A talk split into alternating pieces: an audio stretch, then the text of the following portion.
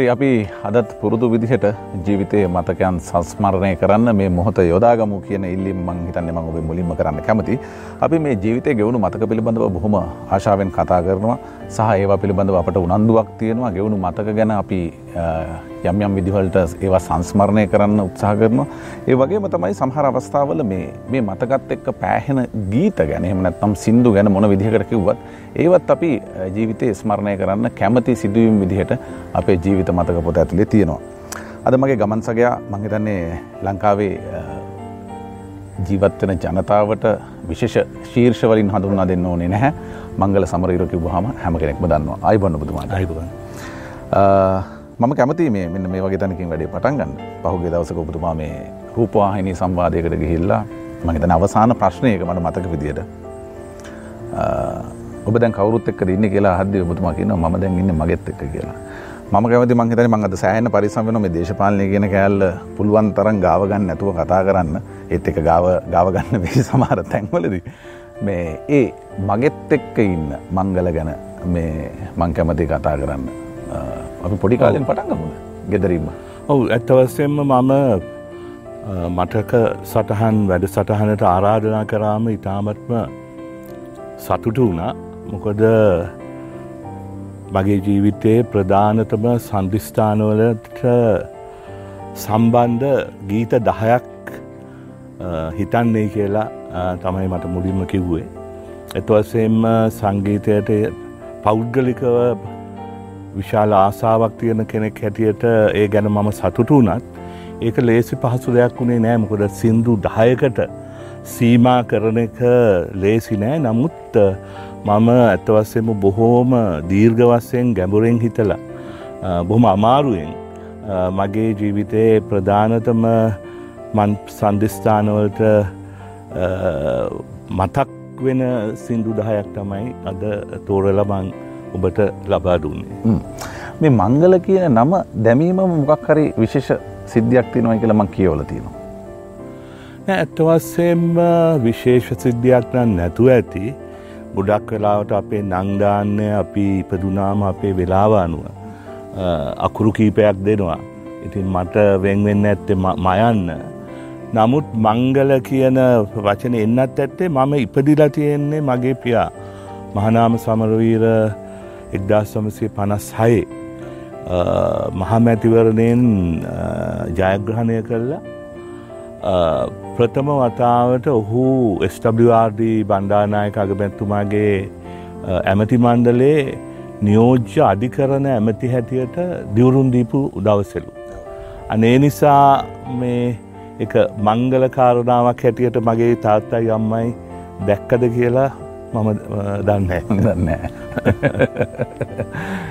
අම්මත් එක්ක තාතත් එක්ක ගෙවුණු ජීවිතය ගැනේ මං බොහෝ වෙලාට මං කියන්නේ ඔබ ගැන කියවද්දි සහ යම් යම් දේවල් බලද්දි තීරණය කරපු දෙයක් තමයි මේක. මේ ඔබේ ජීවිත මතක ගැන කතා කරන එක ටිකක් පරිච්ඡේද වශයෙන් කතා කරගත්තොත් මට ලේසි වෙයි. මොකද ජීවිතේ බොහෝ රසමුසු තැන් තියෙනවා මං හිතන්නේ මේ. එළිය සමාජය ඇතුලේ තාම කවුරුත් දන්නේ නැති. මොකද දේශපාලනය පිළිබඳවම කතා බහ කරන නිසා රටේ තියෙන දැවෙන ප්‍රශ්න ගැන කතා කරන නිසා. පෞද්ගලික ජීවිතේ එහෙම මේ තියෙන බොහොම සුන්දර මතක බොහෝ වෙලාවට හැම කෙනෙක්ටම මගහැරලා ඇති.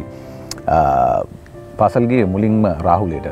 මම හෝඩියේ පං නර්සරියගේ මොන්ටිසූරියකේ රාහුලේ ඉඳලා ඊට පස්සේ නාලන්ද විද්‍යාලයට මගේ අයියා මට අවුරුදු මටවා අවුරුදු එකොළහක් වැඩිමල් ජයිමිනී සමරවීර ඔහු නාලන්ඩ විද්‍යාලයේ උසස් සාමාන්‍ය පෙළ දක්වා ඉන්නකොට මම නාලන්ඩයකට ඒත් පළවෙනි පන්තියේදී ඉඳලා දෙවනි පන්තියේ ඉඳලා අවසානය දක්වා රාජකී විද්‍යාලයට ඊට පස්ස ගිය. අර චාර්ලිස් මාමත් එක්ක බක්කි කරත්තේ මේ රාහුලයට ගිය කාලේ මතකද? අපෝ ගොඩාක් හොඳට මතකයි. ඇත්ත වශයෙන්ම චාර්ලිස් අයියා කියලා අපි කියන්නේ. ඒ කාලේ වයසට ගියත් අපි කියන්නේ ඒ අයට අයියයි කියලා. ඉතා ලස්සන හොඳට සරසපු අර බෙල්ස් හරකට එහෙම බැඳල ලස්සන බකි කරත්තයක් තිබුණේ මමයි අක්කයි ඒ බකි කරක්තයෙන් තමයි ඇත්තෙම රාහුල ස්කෝලට පමණක් නෙමේ ගොඩාක් වෙලාවට නෑගෙවල් වලට පව. අපේ අම්මා අපේ ආත්තම්මා යනවන අපි ගිය බක්කි කරත්තෙන්. වාහනයකින් යන්න ලැබුණේ අපේ තාත්තා ආසන ඉන්න වෙලාවකට නම් ඔන්න එතකොට වාහනයකින් ඇවිල්ලා ඒවයින් යනවා. නමුත් බොහෝ වෙලාවට තාත්තා වැඩි කාලයක් ගත කරේ පාලිමේන්තු මන්ත්‍රීවරයෙක් හැටියට දේශපාලයන්යෙක් හැටියට කොළඹ. දෙනියයි සියලත් එක්ක තියෙන ජීවිතය මත මගේ සීය ඩොන් ෆ්‍රන්සිස් සමරවීර කියලා. ඔහු ඇත්තවසයෙන්ම වතු හිමියෙක් හැබැයි ඔහුත් තමන්ගේම ස්වයං ශක්තියෙන් හැදුන කෙනෙක්. මගේ සීයගේ තාත්තා.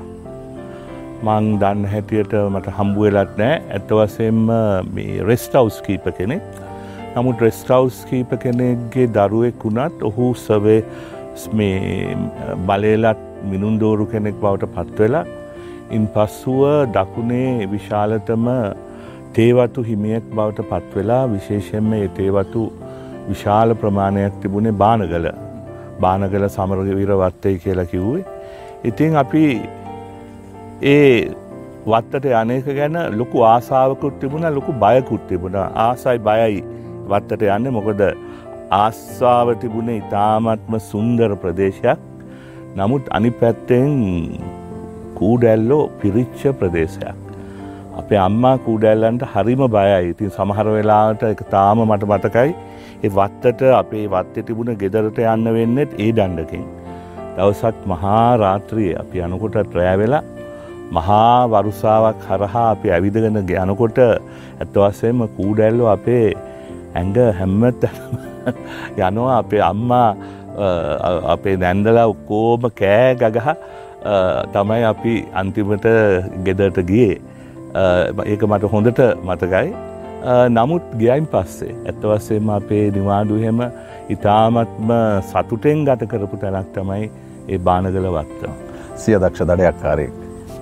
ඔවු සීයා දක්ෂ දඩයක්කාරයෙක් ඔහු ඇත්තවස්සෙන්ම බොහොම ඔහුගේ තරුණ වියේදී නිකං අර එංග්‍රීසි පන්නයට ජීවත්වෙන්න හදපු ඒ විදියට ඇඳපු අස්යෝ පිටින් යන කෙනෙක් බවට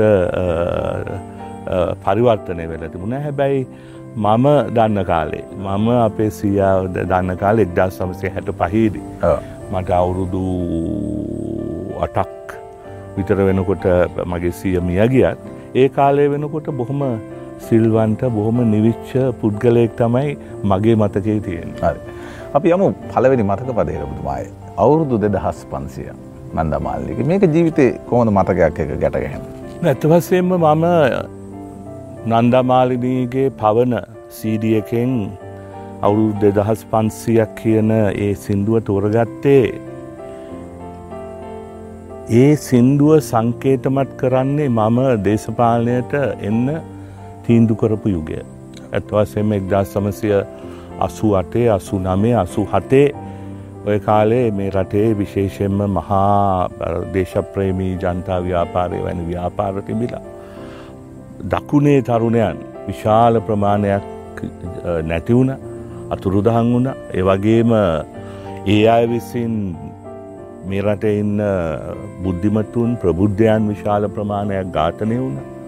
මේ වගේ වෙලාවක තමයි ඇත්තෙන්ම සිරිමව බණ්ඩානායක මැතිනිය මම යම්මයි මගුල් ගෙදරකට ගියපු වෙලාවක මම ඉංගලන්තින් ලැවිල්ලා මෙහි ඉන්නකොට දවසක් කිව්වේ දේශපාලනයට එන්න කැමති නැද්ද කියලා. නමුත් එදා මම ෆැෂන් ඩිසයින කෙනෙක් හැටියට යම් නමක් රට තුළත් ඇතිකරගෙන යන මොහොතක මං මුලින් කිව්වා නෑ මං මේ කරන ජොබ් එකට මං හරි ආසයි කියලා. ඒත් මම මාතර අපේ පුංචි අම්මලෑ ගෙදර මගේ පුංචියම් බැඳල හිටි එස්කේ පියදස් නියෝජ ඇමතුමා ජයාජයවර්ධන ආණ්ඩුවේ. මම ඉඳල හිටල මාර්තයට ගියාම මේ අම්මලා සමහර වෙලාවට සිරිමාව මැතිනියගේ සම්බන්ධය දැනගෙන. ලියවුම් අරගෙන මාව හොයාගෙන ඇවිල කියනවා අනේ මේ ලියවම ශ්‍රීමාව මැටිනයට හරි දීලා අපේ පුතා අපේ සහෝදරයා මගේ ස්වාමිපුරුෂයා හොයලා දෙන්නයි කියල තත්ත්වයක් තියෙන වෙලාවක තමයි මම අන්තිමට හිතුනේ එක්දස් සමසේ අසුවටේදි මම තීන්දු කරා ඔවු මම දේශපාලනයේ ඒ ආරාධනාව පිළිගන්නවා මොකද මට මේ තියෙන තත්ත්වයෙන් රට ගොඩගන්නට යම් අල්පමාත්‍රයකින් හෝ මැඩිහත් වෙන්න පුළුවන්න ඒක හොඳයි කියලා. ඉති අන්නේ යුගය තමයි මොකද ඇත්තෙම්ම මේ ශ්‍රී ලංකා මාතාව අවුරුදු දස් පන්සියක් වයස ශ්‍රී ලංකා මාතාව තමයි මේ සින්දුව කියන්න ඇත්ත වස්සේම මේ තරං ශ්‍රේෂ්ඨ මෑනියෙක්ගෙන් උපන් මේ රටේ දරුවෝ අද එකිනකාගෙන් කුලල්කා ගන්නවා මරාගන්නවා කොටාගන්නවා ඒ අඳෝනාව. ඒ අපේ ශ්‍රී ලංකා මෑනිය අදත් මම හිතන්නේ ඒ අඳෝනාවමයි කියන්නේ මොකොද තාමත් අපේ රටේ මිනිස්සු මරාගන්නවා කොටාගන්නවා එකිනෙකාට කේලං කියා ගන්නවා. එකම රටේ දරුව නමුත් අපේ ඒ තරං ශ්‍රේෂ්ඨ මෑනියෙක් ඉන්නවයි කියන එක. ඒ වගේ ඉතා ප්‍රෞද්ධ අති ඉතිහාසයකට උරුමකං කියන මෑන් කෙනෙක්. ඉන්නොය කියන එක අපි හැම කෙනෙකුටම මේ සින්දු අහනකොට මතක් වෙන්න ඕනේ. මං අර කිව්වා මුලින්ම මම ශීර්ෂ මොනවත් පාවිච්චි කරන්න හැ කියලා රටේ. මං හිතන් ජනතාව දන්නවා ශීර්ෂ සියල්ල. මේ දැන් ඔබතුමාගේ මේ ඊළඟ මතක පදයක් තියෙන්නේ ඩේවිඩ් බෝවිගේ ලයිෆොන් මාස් ලයිෆොන් මාස් දැන් මට මේ විශේෂයෙන් දැන් මේ ගීත දෙකම රිලිසුන හැත්ත එකේ හැත්තේක ඔබතුමා මේ ලංකාවෙන හැත්ත දෙකේ තමයි හැත්ත දෙකේ තමයි ගියේ. නමුත් හැත්තේකේදී ඔව් මේ හැත්තේකේ මේක රිලිස් වුණා.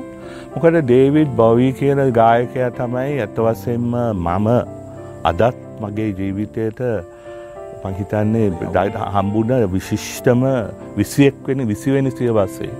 විහිවුණ විශිෂ්ටම ගායකය හැටියට මන් සලකන්නේ. වගේම හැත්ත දෙකේ මම එංගලන්තෙල් ගියපු එලේ ඉඳලා මම ඒ කාලේ ඩේවිඩ් භාවීගේ තිබුණ සංගීත සංදර්ශන.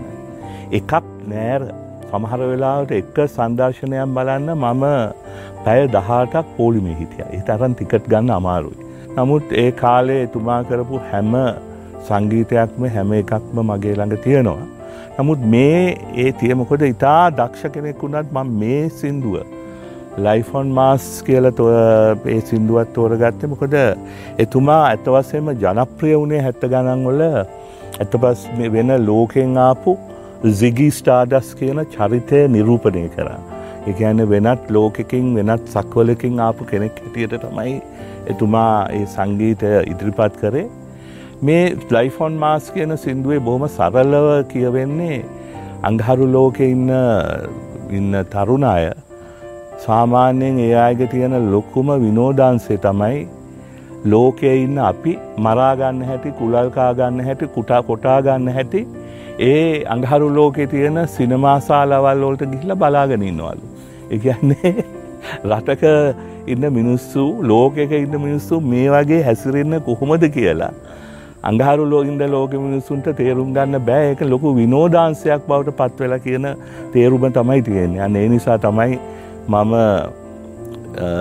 දේවිඩ් භාවීගේ සින්දු විශාල ප්‍රමාණයක් ඇත්වස්සම මීටත් වඩා හොඳ දේවල් තිබුණත් මම හිතන්නේ මේ අද තියෙන තත්ත්වයට අදාළව අයිමත් පම වෙලයිෆොන් මාස් කියන සිින්දුව තෝරගන්න. අපි මේ සිින්දු අහම බලමු. අවස්ථා දෙකම අපට තියෙනවා. දැන් හැත්ත එක කියන වකවානුව දැ ලංකාවෙත් හිටියන්න දේශප්‍රමි ව්‍යාපාරය. එගොල්ලොත් තිල්ව අලුත් ලෝකයක් අලුත් රටක් හදන්න. මොකක්ද ඒකයි හැබැ මේක අලුත් ලෝකයක් අලුත් රටක් හදන්න මිනීමරලා තමන්ගේ මතයට විරුද්ධාය ඝාතනය කරල කරන්න බෑ. තුවක්වෙන් ඕක කරන්නත් බෑ. ඒ හැත්ත එකේ අයත් කරගත්ත වැරැද්ද තමයි ඒ අය ඒ සිහින දැකපු ලෝකය තුවක්ුවෙන් තුවක්කු බටෙන් කරන්න හදපු එක. ඒ නිසා ඇත වසයෙන්ම දෙපැත්තෙම වටිනා ජීවිත රාස්්‍යයක් මේ රටට අහිමු වුණ. එවගේම මේ රට ආපස්සටගේ ඇත්ත වසයෙන්ම අවුරුදු හැත්ත එකක ඉතිහාසයක් තුළ හැත්ත එකක් කියන ඉතිහාසය දිහා බැලුවම ඉතාමත්ම කෙටි කාලයක් වුණ. මේ කාලය තුළදී අපේ අර ශ්‍රී ලංකා මාතාවට මේ වගේ තමන්ගෙම දරුවන් කැරලි ගහලා මිනිමරාගන්න අවස්ථා දෙකක්කට මූුණ දෙන්න වුණා. ඒ වගේම ඊට පස්සේ අවුරුදු තිහක් තිස්සේ. ඒත් ශ්‍රී ලංකා මාතාවගේ ඒ මාතාවගෙම දරුවන් උතුරේ දකුණ හැටියට බෙදීවෙන් වෙලා මරාගන්න තත්ත්වයකට ආවා. ඉතින් මෙන මේ වයින් තමයි අපි බෙදෙන්න ඕනේ මේක ප්‍රචන්්ඩත්වය. කවදාවත් අපේ ප්‍රශ්නෝලට විසඳුම නෙමේ. අන්න ඒක අපි මතක තියාගන්න ඒ විප්ලවාදීන් කියලා ඉන්න පුළුවන්. ඒ වගේම අද ඉන්න ඔය විවිධ ජාතිබේද ආගම්බේද අවස්සන අන්තවාදීන් වෙන්න පුළුවන්.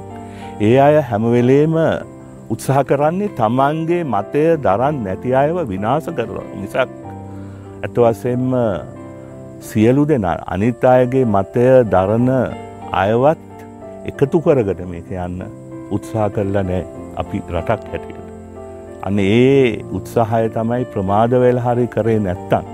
අපේ අනාගතය මීටත් වඩා ඉතා අමිහිරී කියලා මට හිතෙන. රටේ තරුණ පරම්පරාව අතරේ සාමාන්‍ය ඔබතුමා ගැන තියෙන අදහස හරි සුපැහැදිලිනේ. එතකොට දැන් අපිට මේ මිස් වෙච්ච දෙයක් තියෙනවනේ. අනේකාව ඉවසන්නේ නැති එක. දැන් මේ මේ මේක අදටත් මේ වළංගු තාවයක් මේකට තියෙන්නේ වළංගු බවක් තියෙන මේක අපට කොතනින්ද ආවේ මේක අපට කොතනින්ද මිස්සුනේ අනිකාව ඉවසන්න බැරි මේක මගේ හැරුණේ කොයි කාලෙන්ද කොයි වකවානුවෙන්ද නෑ මොකද ඇත්ත වශයෙන්ම ඒක ඉතා වැදගත් ප්‍රශ්නයක්. මට ඒකට උත්තරයක් නම් නැහැ. නමුත් එසේ නොවෙන්නට හේතු ගොඩක් තියෙනවා. මොකද අපි මේ රටේ බහුතරයක් අදහන එම නැත්තම් විශ්වාස කරන බෞද්ධ දර්ශනය.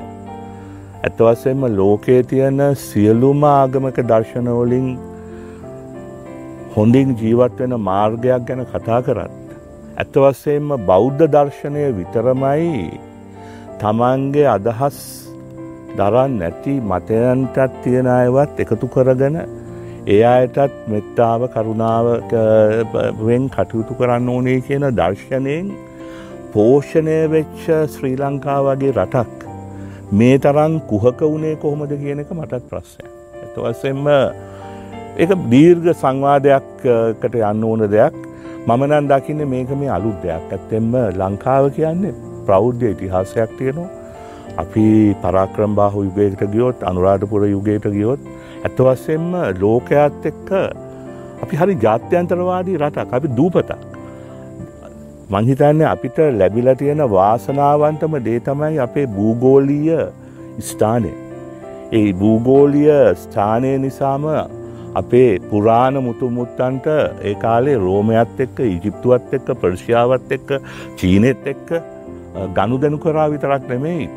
ඒ පුවත් පොත්පත්වල තියෙනක ඉදිරියට පොළොන්නරුව යුගේ පොළොන්නරු නගරය කියන්න අනුරාධපුර නගරය කියන්නේ විදේශිකයන් සහ ශ්‍රී ලාංකිකයන් බොහොම බෝම සමානාත්වයෙන් ජීවත් වෙච්චර රදත් බලන්න ඒ පැත්තේ ඒ පැත්තෙන් අර කැනීම්වලදී ලෝකයේ ප්‍රධානටම බලවතුන් මේ රටේ ඉන්න බව හිටි මකයන්න අපිත් එක්ක වෙළඳාම් කර බවට ඔප්පු වෙනවා ඒ තියෙන කාසිටික දිහා බැලුවම.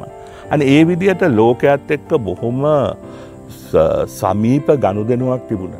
ඇතවසම එංගලන්තේ ඇමරිකාව ජර්මනය වගේ රටවල්ල ගල්ගොවාවල ඉන්නකොට. අපේ ශ්‍රී ලාංකිකයන් රෝමේ හේඩ් ඔගස්ටස් Uh, එම්පර ඒ uh, ගෙන් පස්සේ කලෝඩියස් කියන අධිරාජවාදයාගේ කාලේ. ශ්‍රී ලංකාවේ තානාපතිවරු හිටියයි කියලා ඒ ඉතිහාසය පොත්වල ලියවිලා තියෙනවා. චීනය අධිරාජවාදීන්ගේ කාලේ අම අවුරුදු එක්දස් පන්සයකර දෙදාහකට ඉස්සෙල්ලා ලංකාවේ තානාපතිවරු චීනය හිටියයි කියලා ලියවිලා තියෙනවා මෙන්න මේ වගේ ඉතාමත්ම ශ්‍රේෂ්ඨ උතුම් ජාතියක් කවදාවත් අපිට ඒ කාලෙ මේ ලිංගෙම්බන්ගේ මානසිකත්ව ඇතිබුන්නේ. අද මේ තියෙන්නේ මේ අද මේ රටේ මන්දකින්නේ මම මේ හැමවෙලේම කියන්නේ පුංචි ලිඳගන්න මහගෙම්බන්ගේ මානසිකත්වයක් හට මේ රටේ ජනතාවට තියෙන නමුත් එදා අපි ලෝකයත් එක්ක එකට එකම මූදේ අපි පීනුව. ඒ තත්ත්වයට වග කියන්නේ මොන හේතුවක්ද කියලා අපි ඇතවස්සේම සංවාදයකට යන්න ඕනේ මමනන් මේක මේක දේශපාලනයට එන්න නෙමෙයි නමුත් මම නම් හිතන්නේ මේ අවාසනාවන්ත තත්ත්වය ආරම්භ වුණේ එක්දා සමසය පනස් හයේදි කියලා මොකොට ඇත්තවස්සෙන්ම අර ඉංග්‍රීසි අපි ඇත්තවස්සෙන්ම සිංහල භාෂාව රාජ්‍ය භාෂාව කරපු එක ඉතාමත්ම වැදගත් දෙයක් නමුත් ඒකත් එක්කම ඉංග්‍රීෂි භාෂාව අපිට අහිමි වුණ. නමුත් ලෝකඇත් එක්ක ඉස්සරහට යන්න නම්. ඉංග්‍රීෂි භාෂාව තමයි ඇත්තවසයෙන් අද ඉංග්‍රීසි භාෂාව සුපිරි පැලැන්තිය කීප දෙෙනකුට විතරයි අයිති වෙලා තියෙන. නමුත් පරණ විදියට ආවන. ඉංග්‍රීසි භාෂාව ගමේ ස්කෝලෙටි එම උගන්නන ගමන් රෝය කොලෙජ් එක ඉගන්නනවා. නමුත් පනිස්සායෙන් පස්සේ මේ මේ වගේ මහා කුහක සමාජයක බිහිවීමේ ආරම්භය මම දකින්න එක් දසමසි පනස්සයි. කතා කර කර හිටේ හරි මරු තැනක්. එම කිවොත් මහිතන හරියටම හරි. මේ ශාන්ත මාටිංස් විශ්වවිද්‍යාලය. මගතන ඔබතුමා ජීවිතය ලොකු කඩයිමක්. මේ ඒ ගෙවුණු ජීවිතේ මතක ගැන පොඩ්ඩක් මේ වෙලාවේ මතකමානය තියෙනවනම් අවධි කරගන්න පුළුවන්. ඔවු ඇත්තෙම මම එක්දා සමසය හැත්තතුන හැත්ත පහදක්වා උසස් පෙළ කරලා. ඊට පස්සේ ලන්ඩන් ස්කූල් of ඉකොනොමික්ස් කියන විද්‍යාලයට මම සෝෂල් ඇන්ට්‍රපොලෝජි ඒ කියන්නේ ඇතවසෙම පුරා විවිධ සංස්කෘතියන් ගැන අධ්‍යනය කිරීමේ එක්තරා විෂයක් සඳහා තමයි යන්නට ඉස්සෙල්ල ඇපලිකේෂන් දැම්මේ. ඒ අතරතුර මට මගේ කලා ලැඩියාව නිසා මගේ මිත්‍රෙක් කිව්වා ඇයි ඔයා පොඩ්ඩක් සෙන් මාටින්ස් එකටත් ඇපලිකේෂන් එකත් දාල බලන්න නැත්ත කියලා. ඒත් මට පොඩි සැකයක් බයක් තිබුණා අපේ අම්මා අයියා මොකද එයාය තමයි මගේ ස්කූල් ෆීසේම ගෙවන්න වෙන්නේ. මේ වගේ විෂයකට ගියොත් කැමතිවෙයිදෝ කියලා සැකයක් තිබුණ කෝකටත් කියලා මම කාටවත් නොකිය සෙන් මාටින්ස් එකටත් ඇප්ලිකේෂන එකක් දැම්ම. මොකද ඇත්තවස්සෙන්ම සෙන් මාටින්ස් කියලා කිව්වම කලා ශේෂත්‍රයේ එංගලන්තයේ ඔක්ස්වඩ් හා කේම්බ්‍රිජ් හා සමාන ඉතාමත්ම අම්මා එතන්ට යන්න ඉතා අමාරු කලා ප්‍රසිද්ධ සුප්‍රසිද්ධ තැනක් ඒක ඇතුල් වෙන්නත් ලේසි නැහැ නමුත් මම ඇපලිකේෂණ එකත් දාලා ඊට පස්සේ මට ඉන්ටව එකක් තියලා ටෙස් කරලා ඊට පස්සේ විවිධ ඉන්ටවියස් දෙකක් විතර තිව්වයින් පස්සේ ඒ අය මට ලියවමක් එව්වා ඒ අය මාව භාරගන්න කැමති කියලා. ඉති ඇත්තවස්සෙන්ම මම විනාඩියකටවත් හිතුවේ නෑ එක මාව බාර ගනී කියලා. නමුත් ඒ වෙලා ඊට පස්සේ මම අයිමත් මගේ අම්මටත් අයියටත් දෙන්නටම මේ සම්බන්ධයෙන් මට ගිහිල්ලා අයියට කියන්නත් බෑ එංගලන්ත හිටියත් මම ලිකිතව මේක කොපියකුත් අරගෙන යව්වා මෙන මෙහෙම එකක් තියෙනවා මේ මේක අතන්ට යනවට වඩා මට හිතෙනවා මං මේක කරන්නයි කැමති කියලා. ඉතින් ඒ තත්ත්වය උඩ එතැන්දිත් අර අම්මත් අයිත් දෙන්නම කිව්වේ එක ඔබේගි හැම ඇත්තනම් එක අපේ විරුද්ධත්වයක් නැහැයි කියන මේක උඩ මම සෙන්මාටින්ස් විද්‍යාලයේ අවුරුදු හතරක් මගේ බේ ඔනර්ස් ඩිග්‍රිය එක එතන කරේ. ඇත්තවසෙන්ම මගේ අර කිව්ව විදියට ජීවිතයේ වඩාත්ම සතුටදායක විතරක් නෙමේ ජීවිතය ගැනත් ලෝකය ගැනත් ගොඩක් දේවල් ඉගෙන ගත්ත කාලයක් එතැන්දි මම ෆැෂන් ඩිසයින් ඉගෙන ගන්න ගියාට ඒකත් එක්කම ඉතාමත්ම ඒ කාලේ ලන්ඩන් වල හිටපු විවිධ වැදගත් චරිත ආශ්‍රය කරන්න පුළුවන් වුණා. ඒවගේම වැදගත් පොත් අදේවල් ආදිය කියවන්න පුළුවන් වුණා. ඊට පස්සෙත් අදත් පංහිතන්නේ ඒ රටේ ඒ ශේෂත්‍රයේ ඉන්න ප්‍රසිද්ධ කීප දෙනෙක් එක්ක. මට එදා එකම පන්තියේ ඉන්න පුළුවන් වෙලා අදත් ඒ අයගේ මිත්‍රයන් බවට පත්වෙන්න පුළුවන් වුණා. ඒ අය වෙනත් ශේෂත්‍රෝල හිටියත්. ඇතවස්සෙන්ම ඒ තුළින්ම මට දේශපාලනයට ආවයින් පස්සෙත්.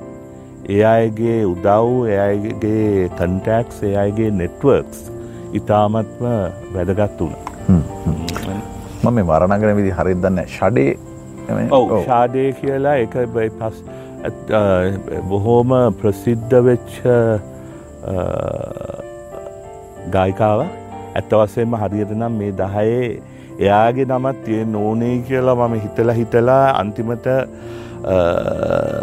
දෙවනිතන්ට ඒ අද පාවිච්චි නොකරන්න තීන්දු කර තුමියගේ තියෙන අඩුවක් නෙමේ මොකද මමත් එක්ක බොහෝම කිට්ටු මිත්‍රයේ කනිත්තක ෂාඩේ ප්‍රසිද්ධ වෙන්න කරපු පලවෙනි රෙකෝඩ් එක පැරඩයිස් uh, කියන ලිව්වේ ලංකාවට ලංකාවට ආපු ට්‍රිප්ප එකකින් uh, පස්සෙ තමයි ගිහිල්ලා ඒකෙන් තමයි එතුමිය ශාඩේ කෝටිපතිනියක් වෙලා මහිතන්නේ ලෝකයේ ඉන්න ජනත්ප්‍රියම ගායිකාවක් බවට පත් වනේ. ඒ වගේ මේ කාලේ අපේ ඔය බොයි ජෝර්ජ් කියන පුද්ගලයා ජෝජෝ ඩව් කියලා එතකොට ප්‍රසිද්ධ නැහැ අපි බොහොම එකට ආශ්‍රය කරපු අය ඒ වගේම අද මහිතන්නේ එංගලන්තයේ ඉන්න ප්‍රසිද්ධම ඩිසයින කෙනෙක් ස්ටීවන් ජෝන්ස් කියන අය අදත් මගේ පෞද්ගලික මිත්‍රයෝ අවුරුදු තිහක් හතලිහක් ගියත් මම අවුරුද්ධකට සැරයක් ලන්ඩන් ගියත් අපි ඒ එක පන්තිය හිටපු අය ගොඩා දුරත තාමත් එකට හම්බුවෙලා ආශ්‍රය කරනවා. අසූ දෙකේ මම ලංකාවට ආවේ. අසූ දෙකේ ලංකාවට ඇවිල්ලා මම බුද්ධි බතික් එකේ. බුද්ධි බතික් එකේ ඩිසයින කෙනෙක් හැටියට මමම රස්සාාවක් හොයාගෙන ගිය මට ඇත්තවස්සේම ඕන වෙලා තිබුණ කොළඹින් පිටයින්න. ඒවගේම මම යාලු වගේයක් එක්ක පොඩි විනෝද ගමනකට මාරවිල පැත්තට ගියාම මට මාරවිලේ පැත්තේ මූදේ සියල්ල ගැනත් පොඩි ලොකු ආසාාවක් ඇති වෙලා ඊට පස්සේ මගේ අක්කාගේ මිතුරෙක් තමයි මට අඳුරල දුන්නේ බුද්ධි බතික එකේ බුද්ධි කීතිසේනවා මම ගිහිල්ල ඇහුවම ඕ ඇවිල්ල වැඩ කරන්න කිව්ව. මම ඒක මේ පූර්ණ කාලීන වනමේ නමුත් මම කොස්වාඩියේ මහවැව කොස්වාඩියේ. එතවසෙන්ම වැල්ල ළඟ ලොකු සාමාන්‍ය නිවසක් කුලියට ගත්තා. මගේ ජීවිතය අදත් මම දකින්නේ වඩාත් ප්‍රීතිමත්ව හිටපු යුගයක් හැටියට ඒ වෙලාවේ. ඇත්තම එතන ලිඳක් විතරයි තිබුණේ. පයිප්ප වතුර තිබුණේ නෑ. ටොයිලට් එක තිබුණ එලියේ අර සාමාන්‍ය පරණ ගෙවල්ල වගේ ටොයිලට් එකට යන්නත් ඕන එලිය මට පුෂ් බයිස කලයක් තිබුණ. ඒකෙන් මන් සමහරලාට රෑ නමයටත් සරමක් ඇඳගෙන මූදට ගිහිල්ල නාලා. මේ මේ මෙතන ජීවත් වනා විතරක් නෙමෙයි. මම අවුරුදු දෙකක් විතර එතන ජීවත් වෙලා ඒ සමාජයත් එක්ක ඒ සමාජයේ කොටසක් විදියට ඉන්න පුළුවන් වුණා. මම තව එක ක්‍රීඩාවයි මං අර මුලින් කිව්වට පීනන්න විතරයි කැමති කියලා අනිත් එක මම බයිසිකල් පදින්න හරිම කැමතියි. මම එහෙයින් දෙද්දී ඇත්තෙන්ම අවුරුදු කාලේ බයිසිකල් තරගකටත් කීපවතාවත් තරංගෝලට ගියත් අර නියම තරඟකට ගිය එක අවුරුද්ධක කොස්වාදිය ඉඳලා නාට්‍යන්දිය හරහා එන්න ඕනේ අර බයිසිකල් එක යනකොට මට තාමත් එක හරි ආසහිතනෝ මතක් කෙනකොට අර දෙපැත්ති ඉන්න අය වතුර ගහනවා හැබැයිතින් මම නාට්ටන්ඩිය හරියට එනකොට දෙවනි කන්ද දකිනකොට මට එපා වෙලා අර පිටිපස්ස ආපු ලොරියට බයිසිකල් එක දාගෙන ඉතුරුටික බේගිය මම අන්තිමය. නමුත් ඒ ලබාගත්ත විනෝඩය මං ජීවිතය යළිවතාවක් ඒ විදියට ලබාගෙන නෑ හැබ කොස්වාඩි පැත්ත කතාව කියල්ලතින් ලන්ඩනලත් බයිස්කල් පැත්තයි නැන මං ඇත්වසේම ලන්ඩ නොල විතරක්නෙම ඊට පස්සෙත් මම ඇමති වෙච්ච කාලෙත්. මන් දේශපාලනයට ආපු කාලෙත් මම ගුප සමහර වෙලාවට විවිධ රටවල්වලට ගියාම මම ඉන්න හෝටලේ සමහර තැන්වල මම ඊජිප්තුවේ නයිල් ඉවරදිගේ පයිසිකල් පැඩල තියෙනවා බ්‍රසීලියයේ බයිසිකල් පැඩල තියෙනවා ඉන්දියාවේ මම් බයිසිකල් පැඩල තියෙනවා මම ඇත්වස්සේම චාන්ස එකක් හම්බුණොත් මම කොයින් හරි බයිසිකල් එකක් හොයාගෙන බයිසිකල් පදින්න ඇත්තවස්සේම බයිසිකල් එකෙන් ගියාම තමයි ඇත්තවස්සේම රටක් හොඳට තේරුම් ගන්න පුළුවන් වෙන්නේ කමලබෙන්. අපි යමු ඊළඟ මතක පදයට ස්ට්‍රේන්ජ් ෆුට් ඔවු මේක ඉතාමත්ම මහා මේ. මොකක්ද වචනයක හරි කම්පනයක් ඇතිගන්න සිින්දුවක්. මොකද මං මේක තෝරගත්තෙත් මේ වෙලාවේ ඔය නීනස්සිමෝන් කියන්නේ මම හිතන්නේ ඒත් විසිවෙනි සතවර්ශයේ බිහිවෙච්ච දක්ෂතම කලු ගායිකාවක් හැටියට සලකන්නේ. අදත් මං හිතන්නේ තුමිය ජීවතුන් අතර ඉන්න අවුරුදු අසූ ගානක් විතර වෙන්න ඇති. නමුත් එමරිකන් ඉතිහාසයේ විශේෂෙන්ම නීග්‍රෝ ජාතිකයන් ඉතාමත්ම භයානක අන්දමට සලකන යුගයක තමයි එතුමිය ජීවත් වුණේ. මේ ස්ට්‍රේන්ජ් ෆෘට් කියලා සින්දුවේ අමුත් තේරුම තමයි මේක අමුතු පළතුරු ගෙඩියක් ගහේ පේනවලු. හැබැයි ළඟට ගියාම මොකක්ද පේන මේ මේ ගහේ හුළඟට වැනි වැනි තියෙන්නේ පළතුරු ගෙඩියක් නෙමෙයි බෙල්ලෙන් එල්ලපු කළු ජාතිකය කියලා. මොකද ඒ කාලේ ඇමරිකාවේ මේ අද මේ තරම් දියුණු තත්ත්වයකට ආවත් මේ එක්දා සමසය පනස් ගණන් වල පවා ඉතා සුළු වරදවල් වලට විශේෂයෙන්ම ඇමරිකාවේ ඉතාමත් මර පසුගාමී ග්‍රාමීය ප්‍රදේශවල ඉන්න සුදු ජාතිකයන් අන්ත ජාතිවාදී හැටියට කලූකලක්ස් කලෑන් කියලා විවිධ කණ්ඩායම් හදාගෙන කළු ජාති ජාතීන්ව පොඩි වරදටත් එල්ලල මරණ යුගයක් තිබුණ. අන ඒ සම්බන්ධයෙන් තමයි මේ සින්දුව මේ ස්ට්‍රේන්ජ් ෆෘට් කියන්නේ අර හුළන්ගේ වැනෙන මේ අමුතු පළතුරුග මොකක්ද කියල බලන්න ගියාම ඒක කළු මනුස්සෙක් මරලා එල්ලලා හුළඟේ වැනිවැනි තියෙන දෙයක් ගැන තමයි මේ සින්දුව කියන්නේ. විශේෂයම අදත් එමරිකා විතරක් නෙමෙයි බ්ලක් ලයිස් මැට වැනි සංවිධාන හරා ජාතිවාදය මේ රටේ ලෝක අවධානයට යොමු වෙලා තියෙන මුහතක. ලංකාවෙ පවා. අද ජාතිවාදයේ ඒ කැත මුහුණ හිස්සෝසවන මොහොතක. මුස්ලිම් ජාතීන්ට විරුද්ධව අද ජාතිවාදය මේ රටේ අවස්සන මොහොතක. මේ රටේ දෙමළ ජාතීන්ට විරුද්ධව ජාතිවාදය අවස්සන මොහොතක. අනි පැත්තෙන් ඉස්ලාමන්තවාදයක් හිසෝසවන මොහොතක. අපි මේ සින්දු ඇහුවම ජාතිවාදය කෙලවර වෙන්නේ. කවුරු මොනවා කිව්වත් කවුරු මොනවා කරත් කොයි වගේ තැනකද කියනදේ මේ සින්දුවෙන් මතක් කරන. දැන් මේ පලේලිස්ට එහෙම නැත්නම් මේ මතක පද දහය මේ මන්දැන් වැඩසටන් මංග දන්න මේක මේ ඕඩියෝ වර්ෂණ එකත් එක්ක මේ හාරසියකට විතර කිට්ටුවෙන ප්‍රමාණයක් එක්කො තුන්සේ පණහකට ආසන්න ප්‍රමාණයක් කරලා ඇති. මේ මේ වගේ මේ විවිධාංගී කරණයට ලක්විච්ච මතක පදදායක මට අම්බුණු පළමු අවස්ථාව එකක් මේක ඉංග්‍රිසි ගීත සිංහල දමිල ප්‍රංශ මොරක්කන් මේ වගේ විවිධ මේ සංස්කෘතික මේ සීමාවන් වල නිමවුණු මේ මතක පද දායක් මේවා ඔබ ඔබේ ජීවිතයට කොහොමද සම්බන්ධ වෙන්නේ කියන එක අපට වැඩසටහනේදී කතා බහ කරන්න පුළුවන්. පළවෙනි කාරණාව මේ දැන් දේශපාලඥයෙක් විදිහටත් මේ ඔබතුමා ඔබතුමාගේ අදහස් හරි රිජුව ප්‍රකාශ කරනවා. ඒ පිළිබඳ කොහෙවත් මේ කෑලිතියා ගන්න ඒක හරි මරු වගේ වචනයකින් තම මහිතන්නේ මේ අපට මේ තරුණය විදිහයට කියන්න පුළුවන්කම තියෙන්නේ. හැබැයි මේ දැන් අර මම මුලින්ම කිව්වන අර මම මගෙත් එක්ක ඉන්න මංගලත් එක්ක තමා මම කතා කරන්න කැමති කියලා දැ මේ මෙහෙම මේ ආශා සහ වුවමනා විධාංගි කරනය උන්හම මේ තියෙන සංස්කෘතික කවුලුව ටික කැරගන්න අපට අමාරු වෙනවනේ. ඒක කොහොමද? මම දන්න අම්මා හරි ලිබරල් කාන්තාවක්. ඇය මේ නිදහස දුන්න දරුවන්ට මොනොටවත් ඇඟිලි ගහන්නා වෙන්න හැ හරිදේ වැරදිදේ හරියට කියල දුන්නා. හැබැයි ගෙදර විතරක් නෙමෙන පරිසරේ තින් බාහිර සමාජය තුළි මේක කොහොමද වින්දේ? මං ගැන ලංකාවේ හිටපු කාලය ඇතුළත්ව.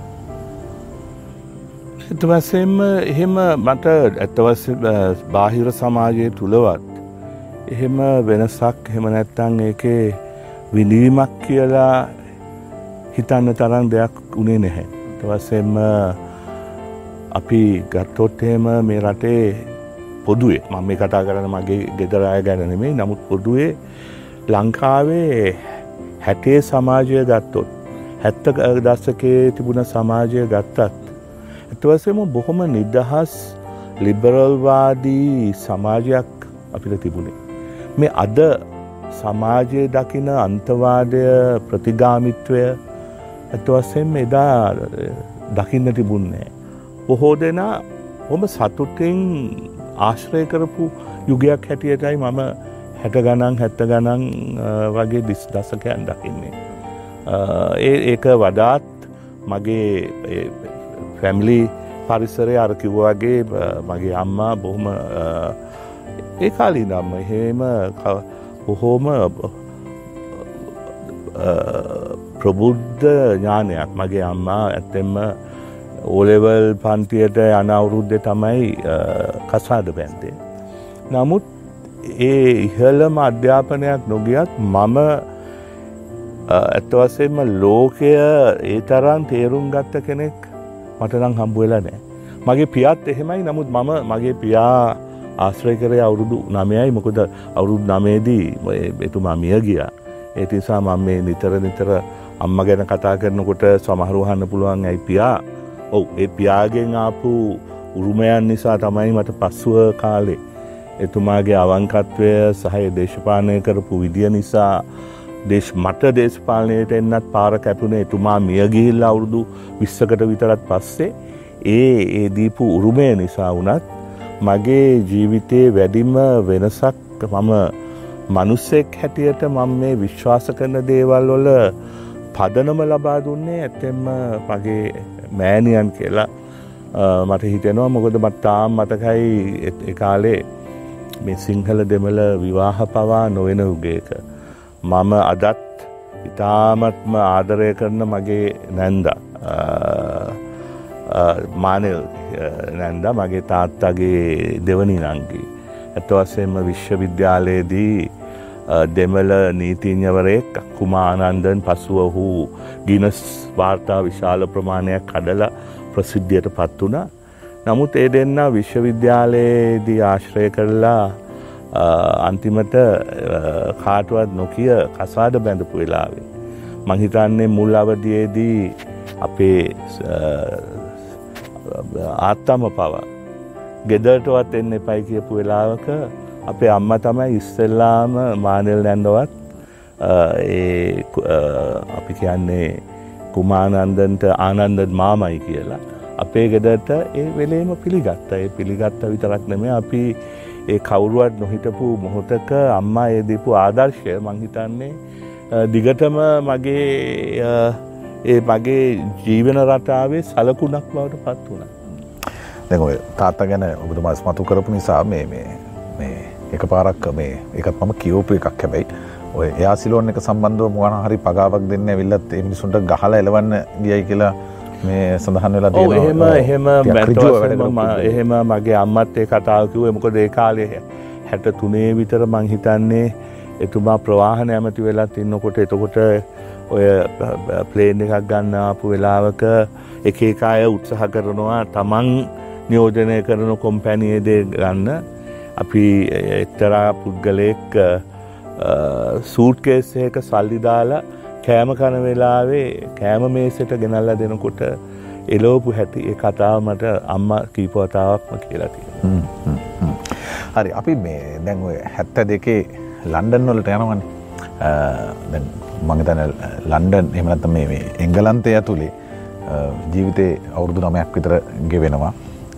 මේ ගෙවෙන එක මගතන්නේ ඒ අධ්‍යාපන කාලේ එතනින් එහාට ජීවිතය ගෙවුණු විදිය සහ ඒක ඇතුළේ කතා බහ කරන්න මතක විදියට ශේෂ වෙලා තින ගොඩක් දේවල් ඇති. මමත් කියවපු දේවල් බොහොමයක් තියෙනවා. දැන් ඔබතුමා අම්මත් එක්ක තිබ්බ සම්බන්ධය සහ ගෙදරත් එක්ක තිබ්බ සම්බන්ධය අතිශය ආදරණය සම්බන්ධයක් ඒක. අම්මව දාලා යන්න අපහසු වෙන එක සහ මේ දාලා යන්න බැරිවෙන එක හරි සාමාන්‍ය දෙයක්. මේ ප්‍රේමය කොහොමද දාලගේ ආදරය. මං කවදාව දාලකිල්ලනෑ මං ප්‍රේමය හොයාගෙන යනවා. නෑ ඇත්තවස්සයෙන්ම මම දැන්ලන් එංගලන්ටට යනකොට නම් මට ඉදස් සමසය හැත්ත දෙකේ කියන මම දාසය ලබලා දාසයයි මාසයයි. අර සයි විදියට කියනවනම් මම දාසයයි මාසය එංගලන්ටට යනකොට මට මුලින්ම මම හිටපු හොස්ටල් එකේ කැන්ටීන් එක යම්කිසි වැඩ කරපු නැගී. ඔවු ගෑන් ළමයකේත් මගේ වයස මගේ ගොලන් ස්කෝල යන ගමන් වීකෙන්ඩ එකට ඒ කැන්ටින් නොල ඇවිල්ල සල්ලිකයක් කර හොයාගන්න වැඩ කරනකොට එයයි මමයි ගොඩාක් කිට්ටු වුණ. අයිට ඉස්සෙල්ලා යූකෝ කියලා ජපන් මට ඒත් අපේ ඒත එතන්ට එන කැප්කගෙන් ඩාන්සයකද හම්බ වෙලා ටිකක් එහෙ මෙහෙ ගෙන අකරතැබ්බෙකට මුණ දුන්න අර බොල්රුම් ඩාන්සයකට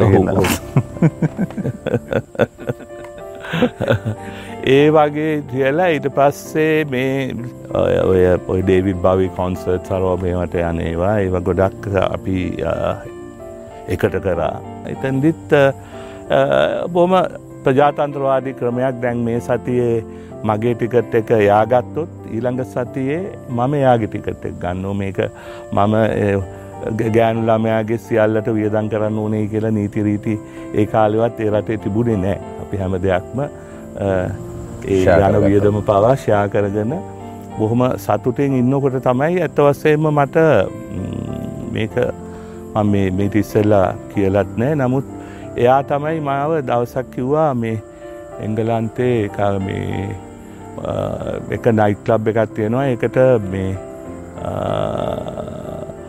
මාවත් කියන්න. යාකව මං හරි ආසයි ඒ කලබ් එකට යන්න. මොකද ඒ කලබ් එකට ගියාම මට මට ඕන විදියට නටමන් තනියෙන් නැතුවත් මට කවුරුවත් කරදර කරන්නේ එමකොද එතනඉන්න අය හරි හොඳයි. එක නිසා අපි යංද කියල දැක්කම මාවත් එක්ක ගියා. ඇතවසෙන්ම ඒ ජීවිතයට මම ගියපු පළවෙනි ගේ කලබ් එක. මොකද එතන්දි ඇත්වසෙන්ම එක ලන්ඩනොල එල් සොම්බ්‍රේරෝ කියන කලබ් එකට ගියාම මටත් ඇත්තවස්සයෙන්ම එතන්ට ගියාම විශාල පුදුමයක් ඇති වුණා කොයි තරන් නිදහස්සේද මේ සියලු දෙනා ජීවත් වෙන්න කියලා.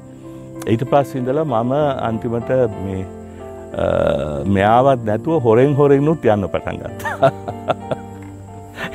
ඒට පස්සේ පස්සෙත් මෙයා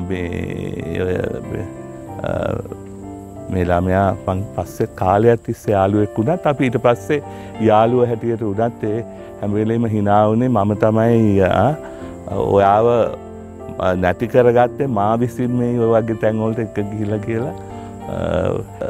ඒක කවදා මක ඒ මම ඒ තෝරගත්ත ජීවිතේ මගේ කාටුවත් මගේ සහෝදරය මගේ අයි අය වෙනකොට එංගලන්ට ඉන්නේ. එතකොට පම ඊට පස්සේ බොහොම කිට්ටුවෙන් කෙනෙක්ව ආශ්‍රය කරන්න පටන් ගත්තම මම මගේ අම්මට ඉස්සෙල්ලම ලියවමක් තියල කිව්ව මෙහෙම මෙහෙම දෙයක් තියෙනවා කියලා. ඉති අම්මත් ඇත්ත වසම කිව්වේ ඔබ ජීවිතයේ සතුටෙන් ඉන්නවනං ඒක තමයි මගේ සතුට කියලා. ඉති ඇතම ඒ ප්‍රතිපත්තිය තමයි එතුමිය ජීවිතය පුරාම අනුගමනය කරේ.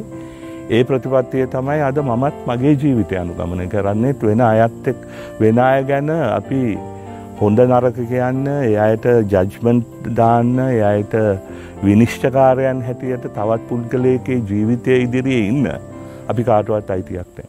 හැම කෙනෙකුටම වැඩිහිටියන් හැටියට. තමන් ගතයක කළ යුතු ජීවිතය තෝරා ගැනීමේ පූර්ණ අයිතිය තියෙන් ඕනේ. යුකගේ කතාව පොඩ්ඩක් යට ගැහුව කියලා මට හිතන ඔබතුමා මොකද එච්චර අපස්ථාවට පත්වනේ ඒකත් අපි ඔය මගේ හිටිය තව ලංකාව යාළුවෙක් මොහන් කියලා. මොහානුයි මොහාන් ඊට පස්සේ යාළු වෙලා හිටිය දැන් එයාගේ බිරිඳ ජමේකාවේ එහෙ හිටපු නියෝජ්‍ය තානාපතිවරයාගේ දුව මර්සිය කියලා ඒ දෙන්න එක සරයක් අපි දෙන්නටත් මට යෝකටත් එන්න කියලා ඒ ලංකාවේ ඔය ක්‍රිස්මස් කාලේ ලංකාවේ එක එක සමාජ තියනවා ඩාන්ස එකක්. ඉති ඩාන්සයකට ගිහිල්ලා මේ මේ අපි මන් සාමාන්‍යයෙන් හොඳට දාන්ස් කරනවා. ඒ කාලි දන් දැන් දැන්නම් ඉච්චර නෑ. දාන්ස් කරන ගමන් ඉති මමත් හිතුවාර දැන් අහල තියෙනවානේ දාන්ස් කරනකොට මෙයා පොඩ්ඩල් ලං කරගෙන පිට එහෙම අතගාන්න පටන් අත්තම ගන්ට ගත්ත ගමන්. ඒ ඩාන්ස් ලෝ එක මැද හූ කියකේ හින මොකද බලනකොට මෙයාට පොඩ්ඩක් ඇල්ලුවත් කිචි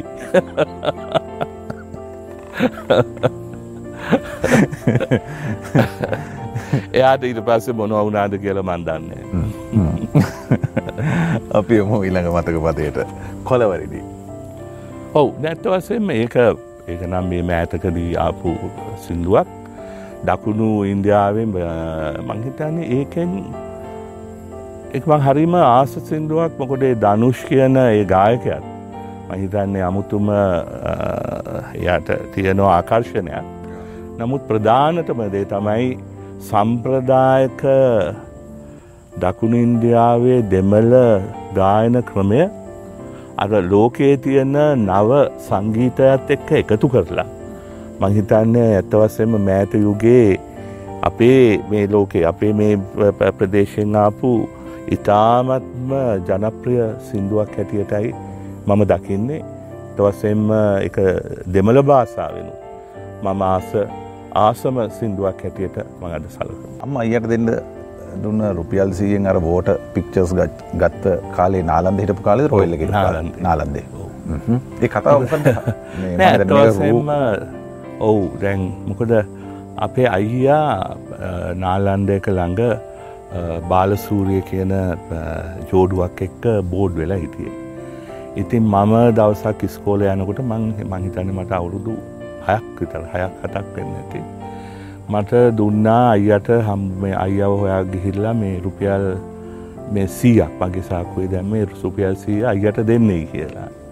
ඉතින් මම ඕක අරගන එදා ඉස්කෝල්ට ගයාම ඒ කාලේ ස්කෝල ළඟ ඉන්න එක එක දේවල් විකුණන අය අච්චාර විකුණන ඉන්නවා ඒ වගේම ඒ කාලේ හරි ජනප්‍රිය දෙයක් තමයි වෝටකර වෝට ස්ටෑම්ස් කියල. එකර අපේ පොතක තියල වතුර ගෑවම එක ලස්සන පින්තූරයක් මේක වෙනවා. ඊට පස්සේ ඕක දැක්කම් මට ලොකු ආසාාවක් ඇතිවුණ ඒන්ටික කරගන්න ඉති ඒ පාර මං මට දැම් මට රුපියල් සියකුත් තියෙන නිසා මම වටිනාගමකුත් එච්චර තේරුමුකුත් නෑ. ඒ රුපියල් සීය දීලා කිව්වා මේකට මේ වෝට සෑම්ස් දෙන්නේ කියලා. ඒ පාර දුන්න මංහිතන ඒ මනුස්සය ළඟ තිබුණ ඔක්කොමගේ මට දීලා ඔක්කොම අරගෙන මං ගෙදර ගයාම මං ගොඩක් හම්මගෙන් බැරුම් ඇව් ඕක දුන්නේ වෝට ස්ටෑම්ස් ගන්න නෙමේ හිනාව බැන්නේ. අපේ අම්ම කවදාවත් එහෙම අපේ කාටුවත් මටවත් අක්කටවත් අයටවත් අතින් පයින්වත් විහිරිහර කරන ජීවිතයට කරපු නැති වුණත් සෑහෙන තරහක් ඇති වෙලා අන්තිමට හැබැයි ඒ වෙච්ච සිද්ධියේ යථාර්ථය දැකල වෙන්න ඇති ගොඩක් ඒ ගැන අන්තිම කාල වෙනකොනත් අපේ අම්ම ඔය කතාව කිය කිය හිනාවෙනවා. රෝයල් එකට ගියක කොහොමද ඉංග්‍රීසි පුවත් පතක පලවුණේ. ඔව ඊට පස්සේ දැන් පළවෙනි අවුරුද්ධ මම මේ මෙතැන්ට ඇවිල්ල ඇත්තවස්සෙන්ම මෙතැන්ට ආවෙත්.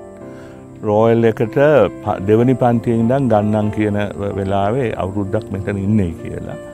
ඉති ඇත්තවසෙන් මේ වෙලාවේ මගේ තාත්තා නිවාස ඇමති හැටියට හිටපු නිසාත්. ඊට පස්සේ පත්තර ජනමාධ්‍යවේදී කෙනෙක් මේ සම්බන්ධයෙන් අපේ අම්ම හරි අහිංසකයි. ඒකාලේ ඒ කාලෙත් මේ අද ඉන්න ජනමාධ්‍යවේදීන් වගේ මය තමයි හිටියේ. නිකම් මේ නොදටුවත් කමට වගේම මේ අම්මට කෝල් එකක් දීලා අම්මගේ කතින්ම අල්ලගත්තා. මේ රෝයල් එකට මේ දැම්මයි අම්මා තමයි ඒකට මැදිහත් වුණේ අම්ම තමයි ප්‍රින්සිපල් ගිහිලා හම්බුනේ කියන එක.